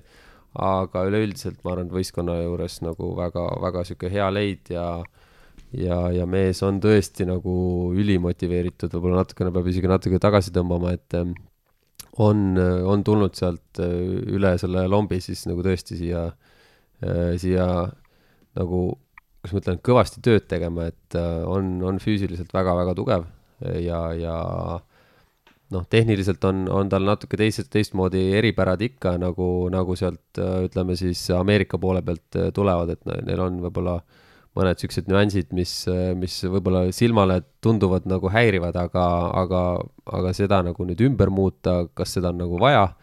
aga nend-, nendel ongi natuke teistmoodi ja, ja ähm, igal juhul praegult see esimene mäng jah, oli selgelt näha, et vastuvõtul tahab harjumist saada, pole, polnud ka pikalt niimoodi mänginud, et ainult trenni teinud ja, ja rünnakul ma arvan, et tema kõrgus on, on piisav, et hüpe on hea võib-olla mõned, mõned suunad on vaja juurde saada, et ja, ja eks, eks meil see mitte ainult nurgast, et, et on näha, et ta võib olla ka väga-väga ohtlik nii-öelda kuue pealt ehk siis paibist. ja Eesti klubide teema lõpetuseks, meil on täna tõesti võimalus ka Mihkli siin olemist ära kasutada jalgpalli mõttes. kuidas sa Alari Saare, meie tuntud libero esinemist sel hooajal Kuressaare võistkonnas hindad jalgpalliväljakutel? Üks väga, väga põnev lugu, et et noh, jah. ma, ma hoopis mõtlesin muid mõtteid siin, kui ma kuulasin äh, kahte, kahte peatreenerit rääkimas ja just seda Saaremaa teemat, et, et äh, jah, kahju on sellest, et meil on jäänud neli meeskonda tegelikult. et ma arvan, et see on kõigi jaoks äh, pikas perspektiivis probleem, et et neid võistkondi, noh, kes on olnud ajalooliselt, on see siis Rakvere või, või Järvamaa või, või nüüd Saaremaa, et loomulikult ei saa seda teha ebaloogiliste rahaliste struktuuridega, aga lihtsalt, et ja, ja väga hea on konkurentsi mõttes praegu nendele klubidele, et meil on Läti ja, ja, ja üks Läti klubid ja üks Leedu klubi olemas seal. aga, aga niimoodi pikas perspektiivis on see ju tegelikult väga noh, võib-olla te lükkate selle ümber, aga minu meelest jääb seda nagu väga õhukeseks ja see on ohu, ohumärk aga küsimus Alari Saare kohta ikkagi see on omaette, see on omaette tase, ma ütleks niimoodi. heas selles mõttes, ikka heas, ikka eks. heas, absoluutselt, et nagu teha ähm,, ma ei mäleta, aastaid tagasi oli ju, oli äh, siukseid näiteid, kus tehakse mitmel alal, Toomas Nõmmiste on kohtunikuna olnud, ma tean, nii, nii äh, korvpallis kui, kui jalgpallis kõrgliigas ja keegi mängijatest oli ka, kas Siim Valtna kunagi äkki tegi, tegi midagi sellist äh, korvpall ja jalgpall oli endal jah. just ja, ja ma, aga noh, ma rohkem nagu ei, ei tulegi ette no mina olen näiteks jalgpalli, korvpalli ja võrkpalli rahvaliigas mänginud, aga ma saan aru, et täna ei ole rahvaliiga meil eraldi teemaks. kuidagi, ma ei tea, see saatejuht, ma ei tea, või, või Maru, Maru tahab siin tähele panna, et ma kuidagi võib-olla kaaperdaks selle saate, et äkki saaks kuidagi ilma selle saatejuhita. ma ütlen, see on juba peaaegu punane kaart, selline punakas kollane on sul praegu all. pigem sinu, pigem sinu nägu on siuke punakas praegu, et siin. Mihkel, sa ei ole absoluutselt mitte esimene mees, kes tahaks Karli siit saatest välja visata. me teeme vesikuga oma, me teeme vesikuga oma saate. nii, ja Alari ühesõnaga on hea jalgpallur, me ikkagi jõudsime sinna lõpuks. ja ei, ja no, noh, lihtsalt see, ka see nagu fenomen juba, et sa mängid eh, mitut ala, et eh, ja ei, ma olen teda mängimas näinud ja, ja saab hästi hakkama. nii äärekaitse, kas ta tõuseb kõrgele või? nii võrkpallis eh, tõuseb kõrgele kui, kui jalgpallis. võrkpallis väga ei tõuse, libero on no seal ma, ma maa ligi. no tõuseb, pall tõuseb kõrgele. seda küll. aga ei, noh, see on nagu, see on hästi lahe, kui on selliseid kokkupuutepunkte tegelikult, et ähm, noh, praegu, kui ma, kui ma meenutan, siis üldiselt on jah, need jäänud selliste tipptasemel on selliste noh, ma ei tea, kas füsioterapeudid on mõnel võistkonnal ja, ja näiteks kuule, ei ole, mina tean Perisic, minu arust mees, kes mängis Dortmundis jalgpalli ehk siis maailma absoluutselt tipptasemel, ta mängis rannavõrkpalli ka äh, Horvaatia või, kas Perisic on Horvaat või? Ta mängis Horvaatia meistrivõistlustel minu arust kas medali eest või? kuule, sina mängisid ka rannavõrkpallis medali eest Eesti meistrivõistlustel, nii et selles mõttes on kõik no hästi. aga ma ei ole jalgpallis Dortmundis veel mänginud no.. nojah, vaata nüüd ongi küsimus, et kas see näitab Dortmundi kohta midagi või selle Horvaatia rannavõrkpalli meistrivõistluste kohta, et äh, ei tea jah, jääme vastuse võlgu siinkohal. mis Alarist saab, ei tea vist keegi veel, kas sinul, Rai-, Alar või, või sinul, Andres, on, on mingist, mingisugust infot ka, et praegu küll ei ole.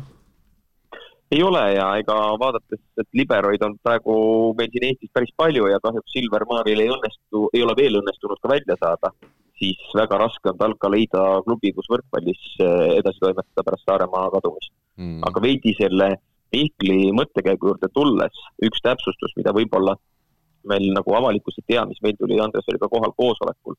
meil on tänavu öö, kümme pluss aasta jooksul esimest korda öö, selline öö, liiga kalendri koosolek, kui me arutasime, kuidas ja millal mänge panna, kus me ei pea arvestama sellega, millal toimuvad A-klassi mängud. mm et -hmm. meil on nii vähe lihtsalt võistkondades noormängijaid ja kokkuvõttes me jõuame selleni, ma olen kogu aeg öelnud, Eestis on piisavalt mängumehi, et teha kuus võistkonda. kui ükskord oli seitse, siis seitse oli natuke palju, sest see tähendas, et tuli palgata liiga suures koguses kaheldava väärtusega välismängijaid. minu loogika on ikkagi see, et välismängi palkamine peaks midagi kohalikele juurde andma. Lihtsalt mängima siia tuua Ameerika ülikoolidest eh, noori ei ole mõtet. Aga arvestus ja muidugi selles valemis on ka see arvestus sees, et umbes kakskümmend paremat mängijat Eestis mängib välisklubides kõrgemal tasemel. aga jah, noortel ei ole võib-olla piisavalt äh, kohti, kus mängida, kus areneda, tõestada, et äh, ma lõplikku registreerimist ei tea, aga kuulsin, et esiliigasse oli väga-väga suur huvi, aga samas kindlasti on esiliigas hulk ka neid mehi, kes kannataks meistriliiga taseme välja. et see on selle hooaja, mitte isegi kevade või suve teema, vaid juba selle hooaja jooksul tuleb pead kokku panna praegu meistriliigas tegutsevate ja äh, sinna potentsiaalselt pürgivate klubide vahel ja leida neid võimalusi, kuidas äh, ja just nagu öeldud sai õigesti, mitte lihtsalt näiteks rahaliselt stimuleerides või mingisuguseid vangerdusi leida, kuidas leida õiged hoovad, et äh, järgmisel hooajal oleks vähemalt viis, võib-olla juba kuus meeskonda mängimas kõrgemal tasemel. jah, loodame, et, et see nelja peale päris nii ei jää rohkemaks kui üheks aastaks. meil on aga täna aeg võtta ette veel kiiresti-kiiresti viimane teemaplokk.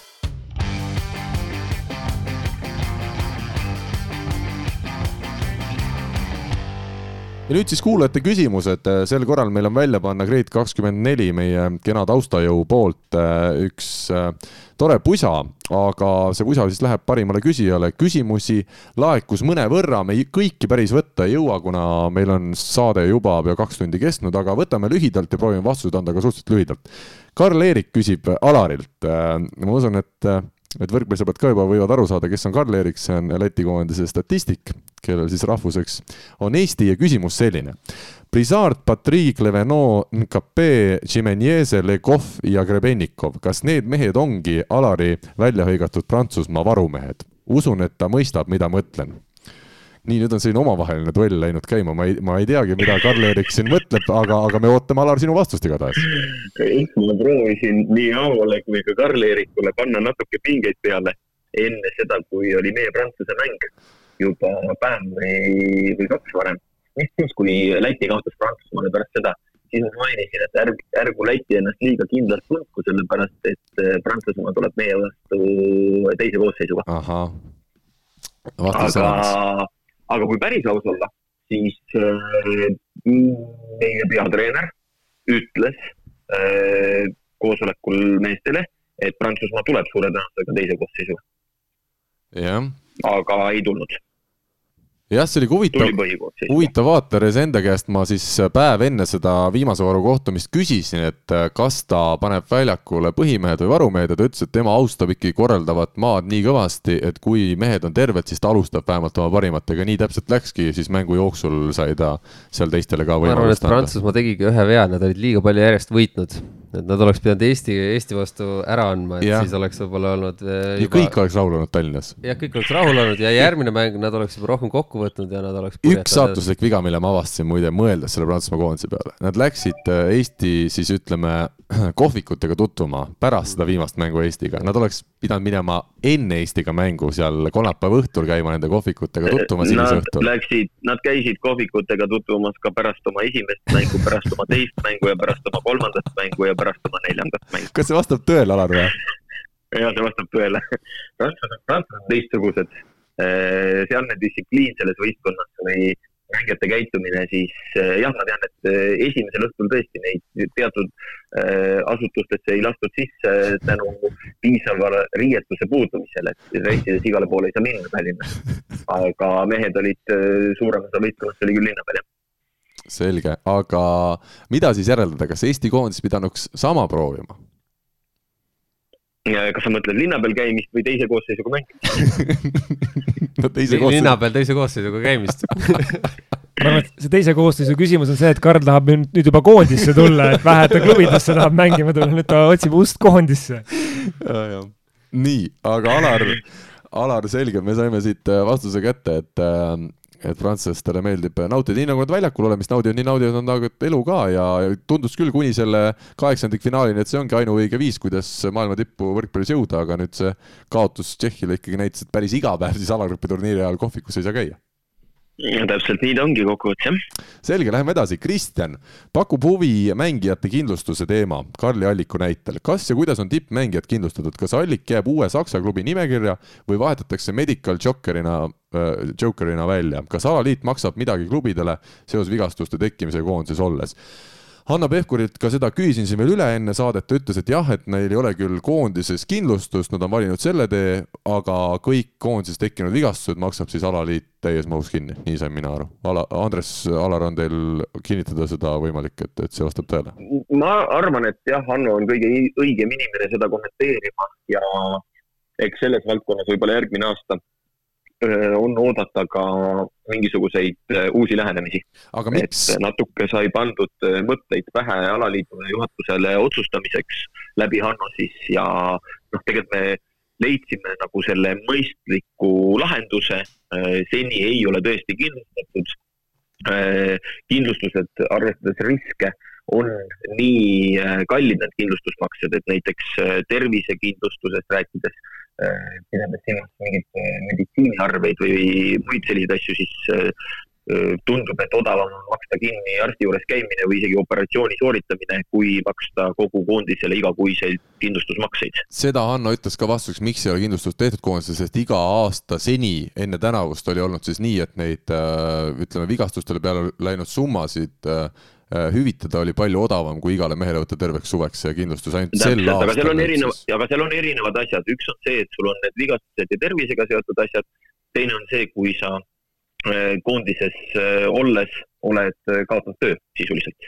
Kui me jõuame tagasi selle Karli Alliku näiteks, näiteks minu näitega oli see, ja minu näitega see täpselt, et mul lepingut ei olnud ja oligi kõik, sain, sain nii-öelda seal viimastes mängudes, okei okay,, mul oli vigastus nagu kerge all, aga, aga samas näide ongi see, et mul lepingut ei olnud, oli, oli tegelikult, oli olemas õhus, et kui ma saan augusti lõpuks korda ennast, siis teeme lepingu.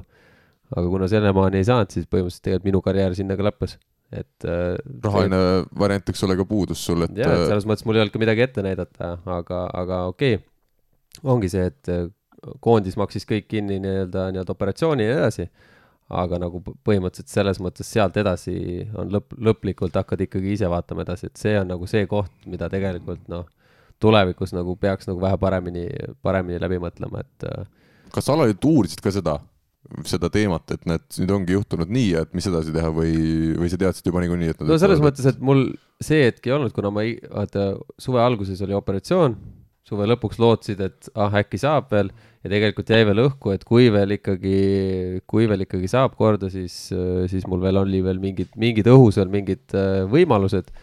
aga kuna ei saanudki korda selleks hetkeks, siis, siis tegelikult, tegelikult jäigi siis niimoodi nii-öelda vaikselt vajus, vajus see teema lihtsalt ära ka küsib nüüd üks inimene, kes soovis jääda anonüümseks, kuna arvas, et küsimus võib olla liiga rumal. aga küsimus on Andres Toobalile kui Eesti naistekoondise abitreenerile. mida arvab Andres sellest, et TalTechil puudub naiskond? Siiani pole teist infot vähemalt tulnud, see oli ju koondise mängijate nii-öelda koduklubi. mis saab Eestis olevatest koondise mängijatest, milline on koondise tulevik? ma natuke tean ka tausta, aga, aga ma lasen sulle esmalt vastata jah, kuna ega praegusel hetkel, tegelikult on see nagu kurb jah, et, et äh, lihtsalt kuidagi soikus ära see, et äh, teatud naistel oli kindlasti ootus-lootus, et, äh, et see on nagu niisugune kindel koht, kus, kus nad saavad nagu vähemalt nii-öelda peavarju. aga, aga tõesti, et nii palju, kui ma aru olen saanud, siis, siis tundus, tundus kuni, kuni lõpuni, et seal nagu enam-vähem nagu kõik asjad okeilt, et et need, kes ikkagi välismaale ei saa ja, ja, ja ja klubi nagu ikkagi mängib ja, ja mängib päris okeil tasemel, et tundus nagu, et nendel nagu võiks olla ka seda rahalist, äh, rahalist poolt kõige rohkem, siis praegult tõesti see jäi, mida suve lõpupoole jäi, seda ebakindlamaks ja tundus nagu, ma ei ole küll nagu uurinud, mis, mis seal nagu tagamaad või mis seal täpsemad on, aga, aga nii palju, kui naistelt endalt oli kuulda, siis lihtsalt nagu selline infosulg, et ei teata, mis saab ja nii edasi, et et selles mõttes kahju, igal juhul kahju, et ma nüüd ka, ma lõpuni praegu ei tea, kas, kas nad mängivad või mismoodi mängivad või mis võistkonnad või mis võistkonnaga? ma olen äh, ausalt öeldes Uku Lummiga iga teine päev olnud ühenduses, et, et artikli jaoks lõpuks saada luba, et, et aga noh, Uku ütles ka, et siin on nii palju lahtiseid otsi, et, et ta ei oska midagi öelda veel, aga selge on see, et äh, treenerit leida sellise väikse tasu peale ja nii viimasel hetkel on, on väga-väga keeruline praegu vist Janis Sirel paneb seal naistele ka nüüd äh, tänasest trenne, praegu on selline lahendus, aga, aga ühesõnaga see kõik on selline ajutine ja otsitakse treenerit jätkuvalt. aga miks, miks ma just sellepärast mõtlengi, et minu teada juba Mett ütles ju kohe peale hooaega ära, et teda ei jätka, et nagu kuidas see nüüd lõpus või nii viimasel hetkel, et. jah, see on, see on, see on küsimus ilmselt kõigil hetkel jah, ja naistest ma tean, et äh, Julia Mõnnakmäe äh,, Merilin Paalo, siis on Elisa Peit ja Hanna Pajula on vist nimekamatest, ütleme, koondise mängijatest hetkel nii-öelda ripakil, kes Tallinnas peaksid elama tean, ja baseeruma. sealt mõni nendest nimekirjast ikkagi on nagu otsinud juba Eesti-siseselt teistesse võistkondadesse ka, aga nad ei ole veel nagu kindlalt vist midagi otsustanud, aga, aga et veel, veel lootsid veel mõni aeg tagasi, et et TalTech ikkagi kokku, kokku saab ja ma saan aru, et see, see treeneri otsingi noh, ei olegi lihtne, aga aga noh, nüüd nagu selgelt on, ma arvan, natuke hiljaks jäädud selle asjaga ka. igatahes loodame, et nüüd TalTech ikkagi võistkonna kokku saab ja et õnnestub ka nende nimetatud nelja mängijaga vähemalt mingisuguse lepinguni siis jõuda, sest TalTechi võistkonda Eesti meistriliigas kahtlemata vaja oleks. muudaks olukorda tummisemaks ja ühtlasi annaks veel ikkagi mingitele teatud mängijatele ka peale nende nelja võimalust ja väljundit võrkpalliga tõsisemalt edasi tegeleda. meie võtame aga ette järgmise küsimuse noh, koondise tuleviku kohta oli siin ka seesama jätkuküsimus, aga noh, koondise tuleviku kohta on täna natukene vara rääkida, seis on nagu ta on jaa, ei, selles mõttes seda nüüd jääme, jääme ootama rahulikult siin, et, et kas küsimus oli minu kohta või see oli üleüldiselt? see vist üleüldiselt. ei, selles mõttes jah, et, et need, loodetavasti need mängijad, kes nüüd ikkagi välismaale läksid, saavad, saavad nüüd võrreldes eelmise aastaga tunduvalt korralikuma põhja alla ja, ja ja et meil ei oleks sellist kevadet, kus, kus ikkagi on näha, et et hooajaga on, on tase kukkunud, et pigem nagu loodaks ja ooda, ootaks seda, et, et vähemalt need äh, noored on teinud sammu edasi ja, ja, ja meie need põhilised äh, nii-öelda siis, kes, kes seda rolli, suuremat rolli kannavad, on, ei ole jäänud nii-öelda niisugusesse natuke varjusurma, et pole terve hooaeg mängida saanud, vaid, vaid pigem see, et noh, nagu näiteks ka võib-olla selle, selle aasta kohta ka, et et Kristiine Emiiliani kohta näiteks ka, et siis noh, oli, oli näha, et mänginud ei olnud, oligi väga raske tulla, samas terve selle hooajaga, ütleme, koondise hooajaga tegi ikkagi tegelikult korraliku sammu edasi ja nüüd mängib võib-olla sellises kohas, kus tal on niisugune endal kogu aeg kandev roll, et äh, näiteks see, see pool kindlasti nagu võiks või peaks andma juurde meie võtame ette aga tänase saate viimase teema või viimase küsimuse õigemini, kui Vesikut täna meil saates ei ole, siis üks Vesik ikkagi Mai Reedi näol on meile või Reeda näol on meile täna küsimuse saatnud. kas Vassiljev või Keel Eesti koondise uueks treeneriks või eelistaksite vana treeneri edasijäämist? lihtne küsimus. Äh, noh alustame Mihkel sinust kui tublist võrkpallisõbrast ja, ja veel kord näha, et üha tõsisem ka asjatundja ikkagi on siit välja koorumas, mis sa siis ütled? lühike lihtne vastus Vassiljev ja mitte sellepärast, et äh, Konstantin Vassiljev on äh, tuntud jalgpallur, vaid, vaid lihtsalt Vassiljev. Viktor Vassiljev ei ole ka seotud? ei ole jah, alustaks sealt ühest teisest Vassiljevist. miks siis Rainer? No nendest kolmest ma arvan, kõige Mm, noh, jaa, ma ei tea olemasoleva peatreeneri kohta, ma arvan, et ka see, see on nüüd niisugune huvitav, huvitavam küsimus, et mulle meenutas, mulle meenutas natuke see, mida ma nägin siin EM-finaalturniiril ähm,. meil oli koondisel, meestekoondisel niisugune peatreener nagu Magnus Persson, kes oli väga hea tippspetsialist, aga mingil põhjusel, seal oli erinevaid põhjuseid, nüansse, miks koondis ei saanud sellist head hingestatud mängu tema käe all äh, käima ja see keemia nagu kuidagi ei, ei klappinud lõpuks, ta oli väga-väga-väga hea spetsialist ja mul kõrvalt, puhtalt kõrvalt vaadates tekkis äh, Enardi Eesti koondist vaadates natuke sarnane tunne. et äh, võib-olla see on vale tunne, aga noh, eks sees olevad inimesed teavad paremini. ja noh, ma arvan, et kui me, kui me ehitame midagi ülesse, siis, siis ma arvan, nendest kolmest valikust, noh, Avo Keel näitas suurepäraselt, et ta pigistas sellest kivist vee välja ja võttis absoluutse maksimumi, ta tegi tulemuse täna, nüüd ja kohe ära, mida üks koondise treener peabki tegema. aga ma arvan, et see koondis, kes meil praegu on, kus on väga palju noori, ütleme, mitte väga palju noori, aga ütleme inim-, noh, ütleme mängijad, kes said nüüd värskelt selle esimese kogemuse, et siit pealt saab, saab edasi ehitada ja miks mitte nendest kolmest Vassiljev Andres, mis, kuidas sulle tundub, ma tean, et me kõik vist ülejäänud oleme nii asjas ka sees, et äh, ma ei tea, kui lõplikku eelistust siin saab üldse välja kuulutada, aga kuidas sulle see hetkeseis tundub? jah, ma arvan, ma ka tegelikult äh, Raineri poole jääksin sellega kindlasti või noh, ma arvan, kindlasti jääks, et äh, ma arvan, Aavol uuesti niimoodi siia Eesti, Eesti mehed üle võtta oleks selgelt keeruline, et ja, ja, ja noh, kuna ma uue, uue treeneri kohta tegelikult nagu mul info puudub ja, ja teatud hetkel tundusid siin eelmise aasta sellised, sellised kahetised asjad ja, ja võib-olla see aasta ka mitte selle tulemuse puudumine ja, ja noh, ma ei oska öelda jah, et, et võib-olla ei ole seda efekti andnud, et et võib-olla, võib-olla uus ja võib-olla eestlane, et selles mõttes oleks jälle noh, see on jälle, see on nii kahetine asi, et kas, kas nüüd Rainer kindlasti seda tooks, ta võiks et, et ma ei, kui nendest kolmest valida, siis, siis ma valiks ka Raineri. Äh, Alar, ma tean, et eks treeneritel ka omajagu seal ebaõnnestunud EM-i ajal neid, ütleme, eriarvamusi ju tekkis. Äh, kuidas sina sellele just treenerina otsa vaatad, milline see Nardiga need kaks aastat siis olid ja kuidas sa tulevikku näed? mul on kõige keerulisem kommenteerida, sellepärast et ma võib-olla tean ja võib-olla ka arvan, aga ega ma ei tohi ka, ei ole mõistlik kõike välja öelda. aga teistpidi eh, nii Pihkli kui Andrese mõttekäigud olid ju loogilised. Eh, kui küsimuse juurde tulla, siis Aavo, ma arvan, et Aavo ise enam ei taha isegi. ta on üheksa aastat olnud Eesti koondise peatreener, nüüd on ta olnud neli aastat Läti koondise peatreener eh, eks ta ise mõtleb, kuidas ta oma elu edasi näeb, aga ma pigem ei usu, et isegi kui ettepanek tehakse, siis Aavo seda väga kaaluks. Aga nüüd nimedest või eelistustest läheks pigem selleni, et ega meil on väga lihtne ja loogiline, meil on võrkpalliliidu juhatus, kes selle otsuse peab tegema, mul on lihtsalt neile üks äh, selge soovitus, et kui äh, kas jätkatakse treeneriga või hakatakse valima uut äh, või mingeid otsuseid tegema, siis on mõistlik otse suhelda võtmemängijatega. Ja mitte ühe või kahega, vaid isegi veidi suurema ringiga, küsida võtmemängijate käest, sest kokkuvõttes nemad on need, kes on platsil ja teevad seda tulemust. Treeneril on küll äh, oluline roll, aga mitte nii oluline kui nendel meestel, kes väljaku peal on.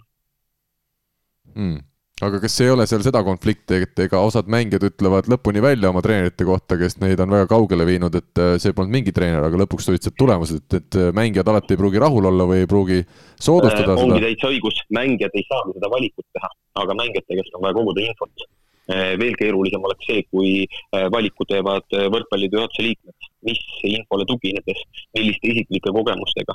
meil on parasport selliseid mehi, kellel on väga head sidemed võrkpallimaailmas juba, tänu sellele, et suur osa neist on mänginud lihtsalt nii paljudes erinevates liigades. Neil on häid sõpru-tuttavaid nii mängijate kui treenerite kui kõige muu staffi osas.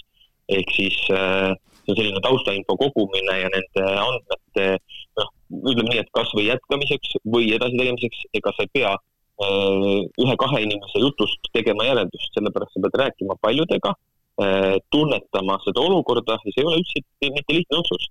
ei ole lihtne otsus võrkpalliliidu juhatusele selles osas, kas jätkata või mitte.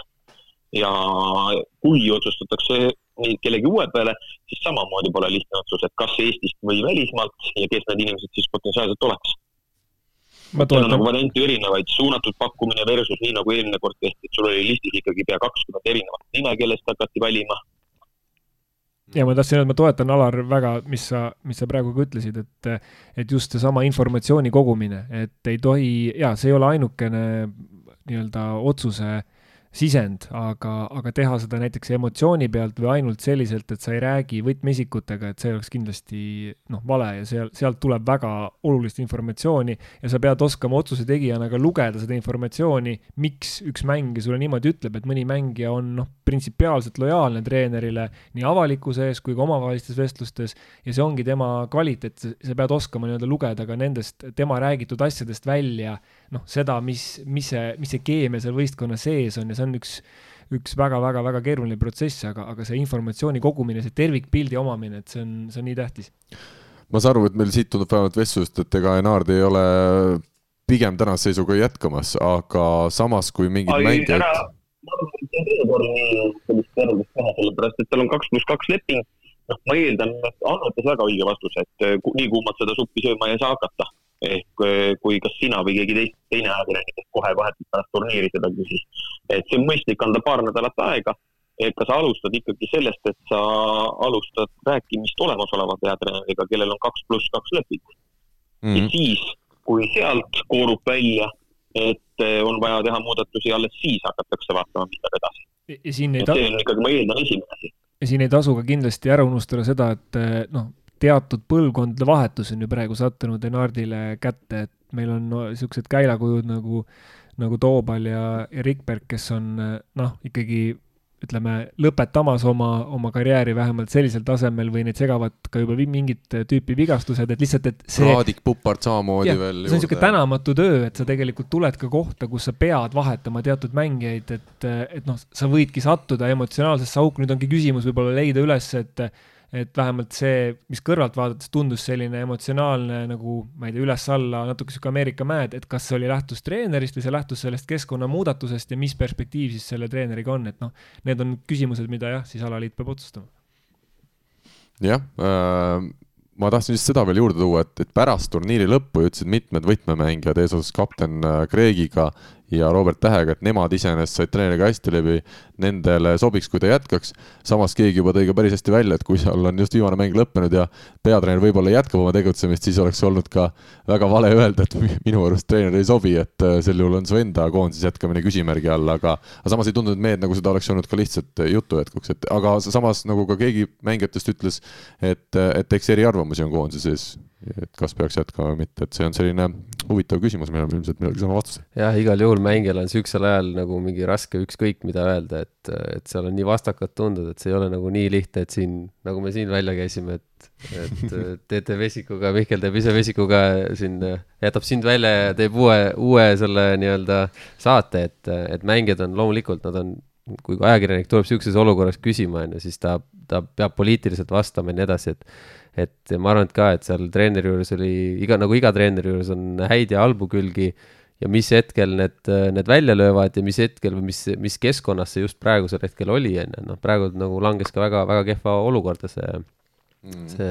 see praegu selline tulemus, nii et selles mõttes mulle, mis minule endal tundus, et eelmine aasta oli, oli see nagu olukord kuidagi tundus väljaspoolt nagu, nagu hullem või mitte hullem, aga, aga kehvem, see aasta nagu kuidagi nagu läks asi nagu järjest-järjest paremaks, kuni okei okay,, see on nüüd selle EM-i selle lõpu tulemuseni, aga, aga teatud mõttes mingit nagu sihukest äh, progressi oli näha nagu võistkonna sees, aga, aga täpselt, eks, eks tegelikult ongi see, et alaliit ka võiks nagu rääkida reaalselt äh, nende, nende osade mängijatega, vähemalt mingi, mingis hulgas, et kuidas nemad tundsid ja, ja kuidas siit edasi minna jah, seal on jälle tuhat erinevat nüanssi, alustades sellest, et äh, nagu Mihkel ütleski, kokkuvõttes koondises loeb ju tulemus. koondis on koht, kus tullakse kokku, et teha tulemust ja, ja mängijate arendamine ei ole päris äh, esmajärguline. samas nüüd on, eks ole, Naardiga kaks aastat koostööd tehtud, meeskond on saanud temaga tuttavaks, vastupidi.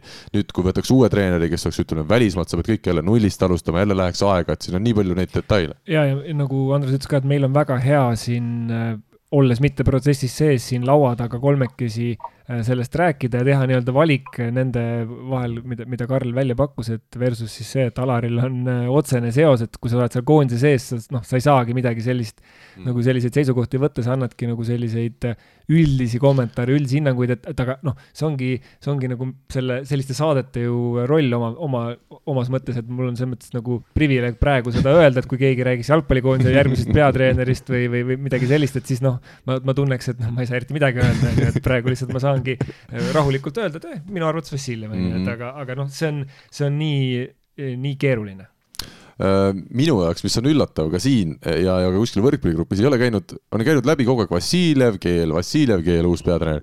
ma tuletan võrkpallisõpradele meelde, et meil on täna telefoni otsas mees, kes on Eesti meistriks tulnud peatreeneriga möödunud hooajal.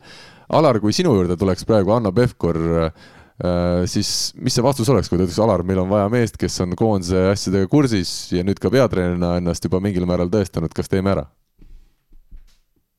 mul on hoopis teine äh, vastus talle, et sõltumata sellest, mis rollis ma ei ole kindel, kas mul oleks vaja jätkata. ma olen seitseteist aastat olnud Eesti koondises, see on päris pikk aeg juba. et äh, ma ei ole kindel, olgu see statistiku või abitreeneri roll, mida ma seal olen teinud varasematel aastatel, et kas seda oleks vaja jätkata. et nüüd on minu jaoks, minu kord öelda seda, mida ütles Hanno, et, et oma personaalküsimuse jaoks on see supp veel liiga kuum selgelt mm.. aga Annole ma vastaks, et ma olen meelitatud sellest pakkumisest aga, aga ma pean mõtlema. selge kuidas on siis, äh, me saame siin ka täna teha saate lõppu veel ühe mõnusa sellise võrdluse, kas, kas on esiteks Mihkel nii, et äh, jalgpalliliidus ikkagi seda, mida ütleb Aivar Pohlak, nii ka asjad koondises ja alaliidus käivad suuresti?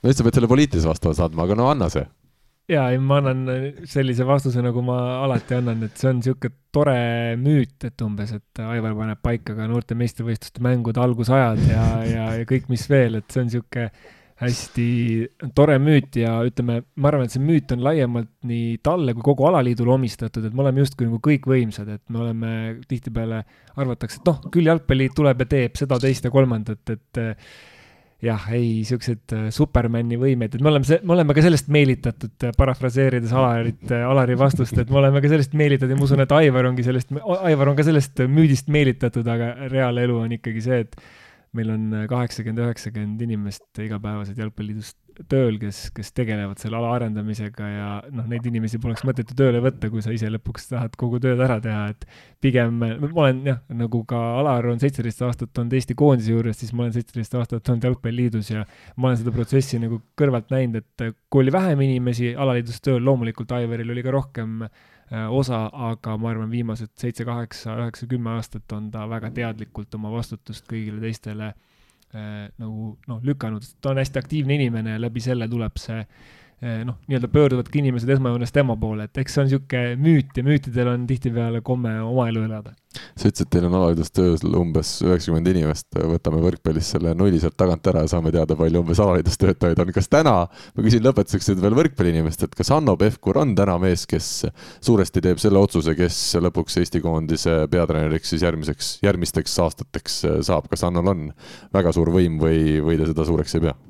Alar? mina arvan, et suuresti tegi ta eelmise peatreeneri otsuse ja suuresti teeb ta ka järgmise, sellepärast et vaadates alaliidu juhatuse koosseisu, siis on tal seal üksikuid kompanjone, kes äh, räägivad kaasa võrkpalliteemadel. ja koostöös nende üksikutega äh, sündis tänase peatreeneri otsus ja ma ei näe, et äh, mingisugune muu instants üldse hakkaks valima järgmist peatreenerit või jätkama lepingut olemasolevaga. Selge, aga tänane saade on nüüd aeg kokku võtta ääretult meeldivad jälle kaks tundi ja peale. ja meil on siin üks mees, kes tõmbab ka asjad kokku, tema otsustab, millal läbi saab. millal algab, millal läbi saab. täna veel otsustama, sa oled järgmine nädal oled, oleme me eetris koosseisus, kindlasti on Mihkel Uibolott seal. kindlasti, võib-olla on seal Aivar Pohlak kõrval, kes tegelikult ütleb, mida rääkima peab, siis on seal Rivo Vesik tulnud juba Lõuna-Euroopast tagasi toodud vägisi saate puhuks ja, ja jumal teab siis, kas ka Andres.... ei no Hanno Pevkur ka ikkagi. Hanno ka kindlasti, jah. jah, ja siis on, kui rääkida otsustamisest, siis tuletan meelde kuulsat tsitaati, mina otsustan mänge, mida ütles siis Joel Lindpere, nagu me teame nii et see on nüüd sihuke Karli, Karli moto, ma vaatan, seina peale võiks panna siukse pildi, mina otsustan, millal saade lõpeb aga me võime jätkata ka, kui kellelgi vabu teemasid on ja tahaks veel kolmandagi tunni täis teha, aga hetkel suuri kätte me ei näe, nii et mul on veel ette valmistatud pikk materjal, siis me võime siin hommikuni rääkida, aga jätame järgmiseks korraks. teeme Mihkel nii, et kui sul järgmine nädal on vaba, siis teeme jälle.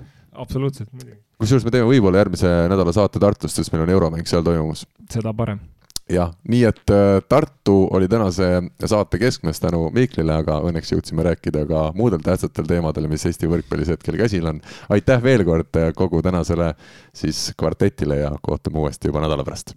aitäh, tšau. Eesti kõige põnevamad podcastid on Delfis, kuula tasku.delfi.ee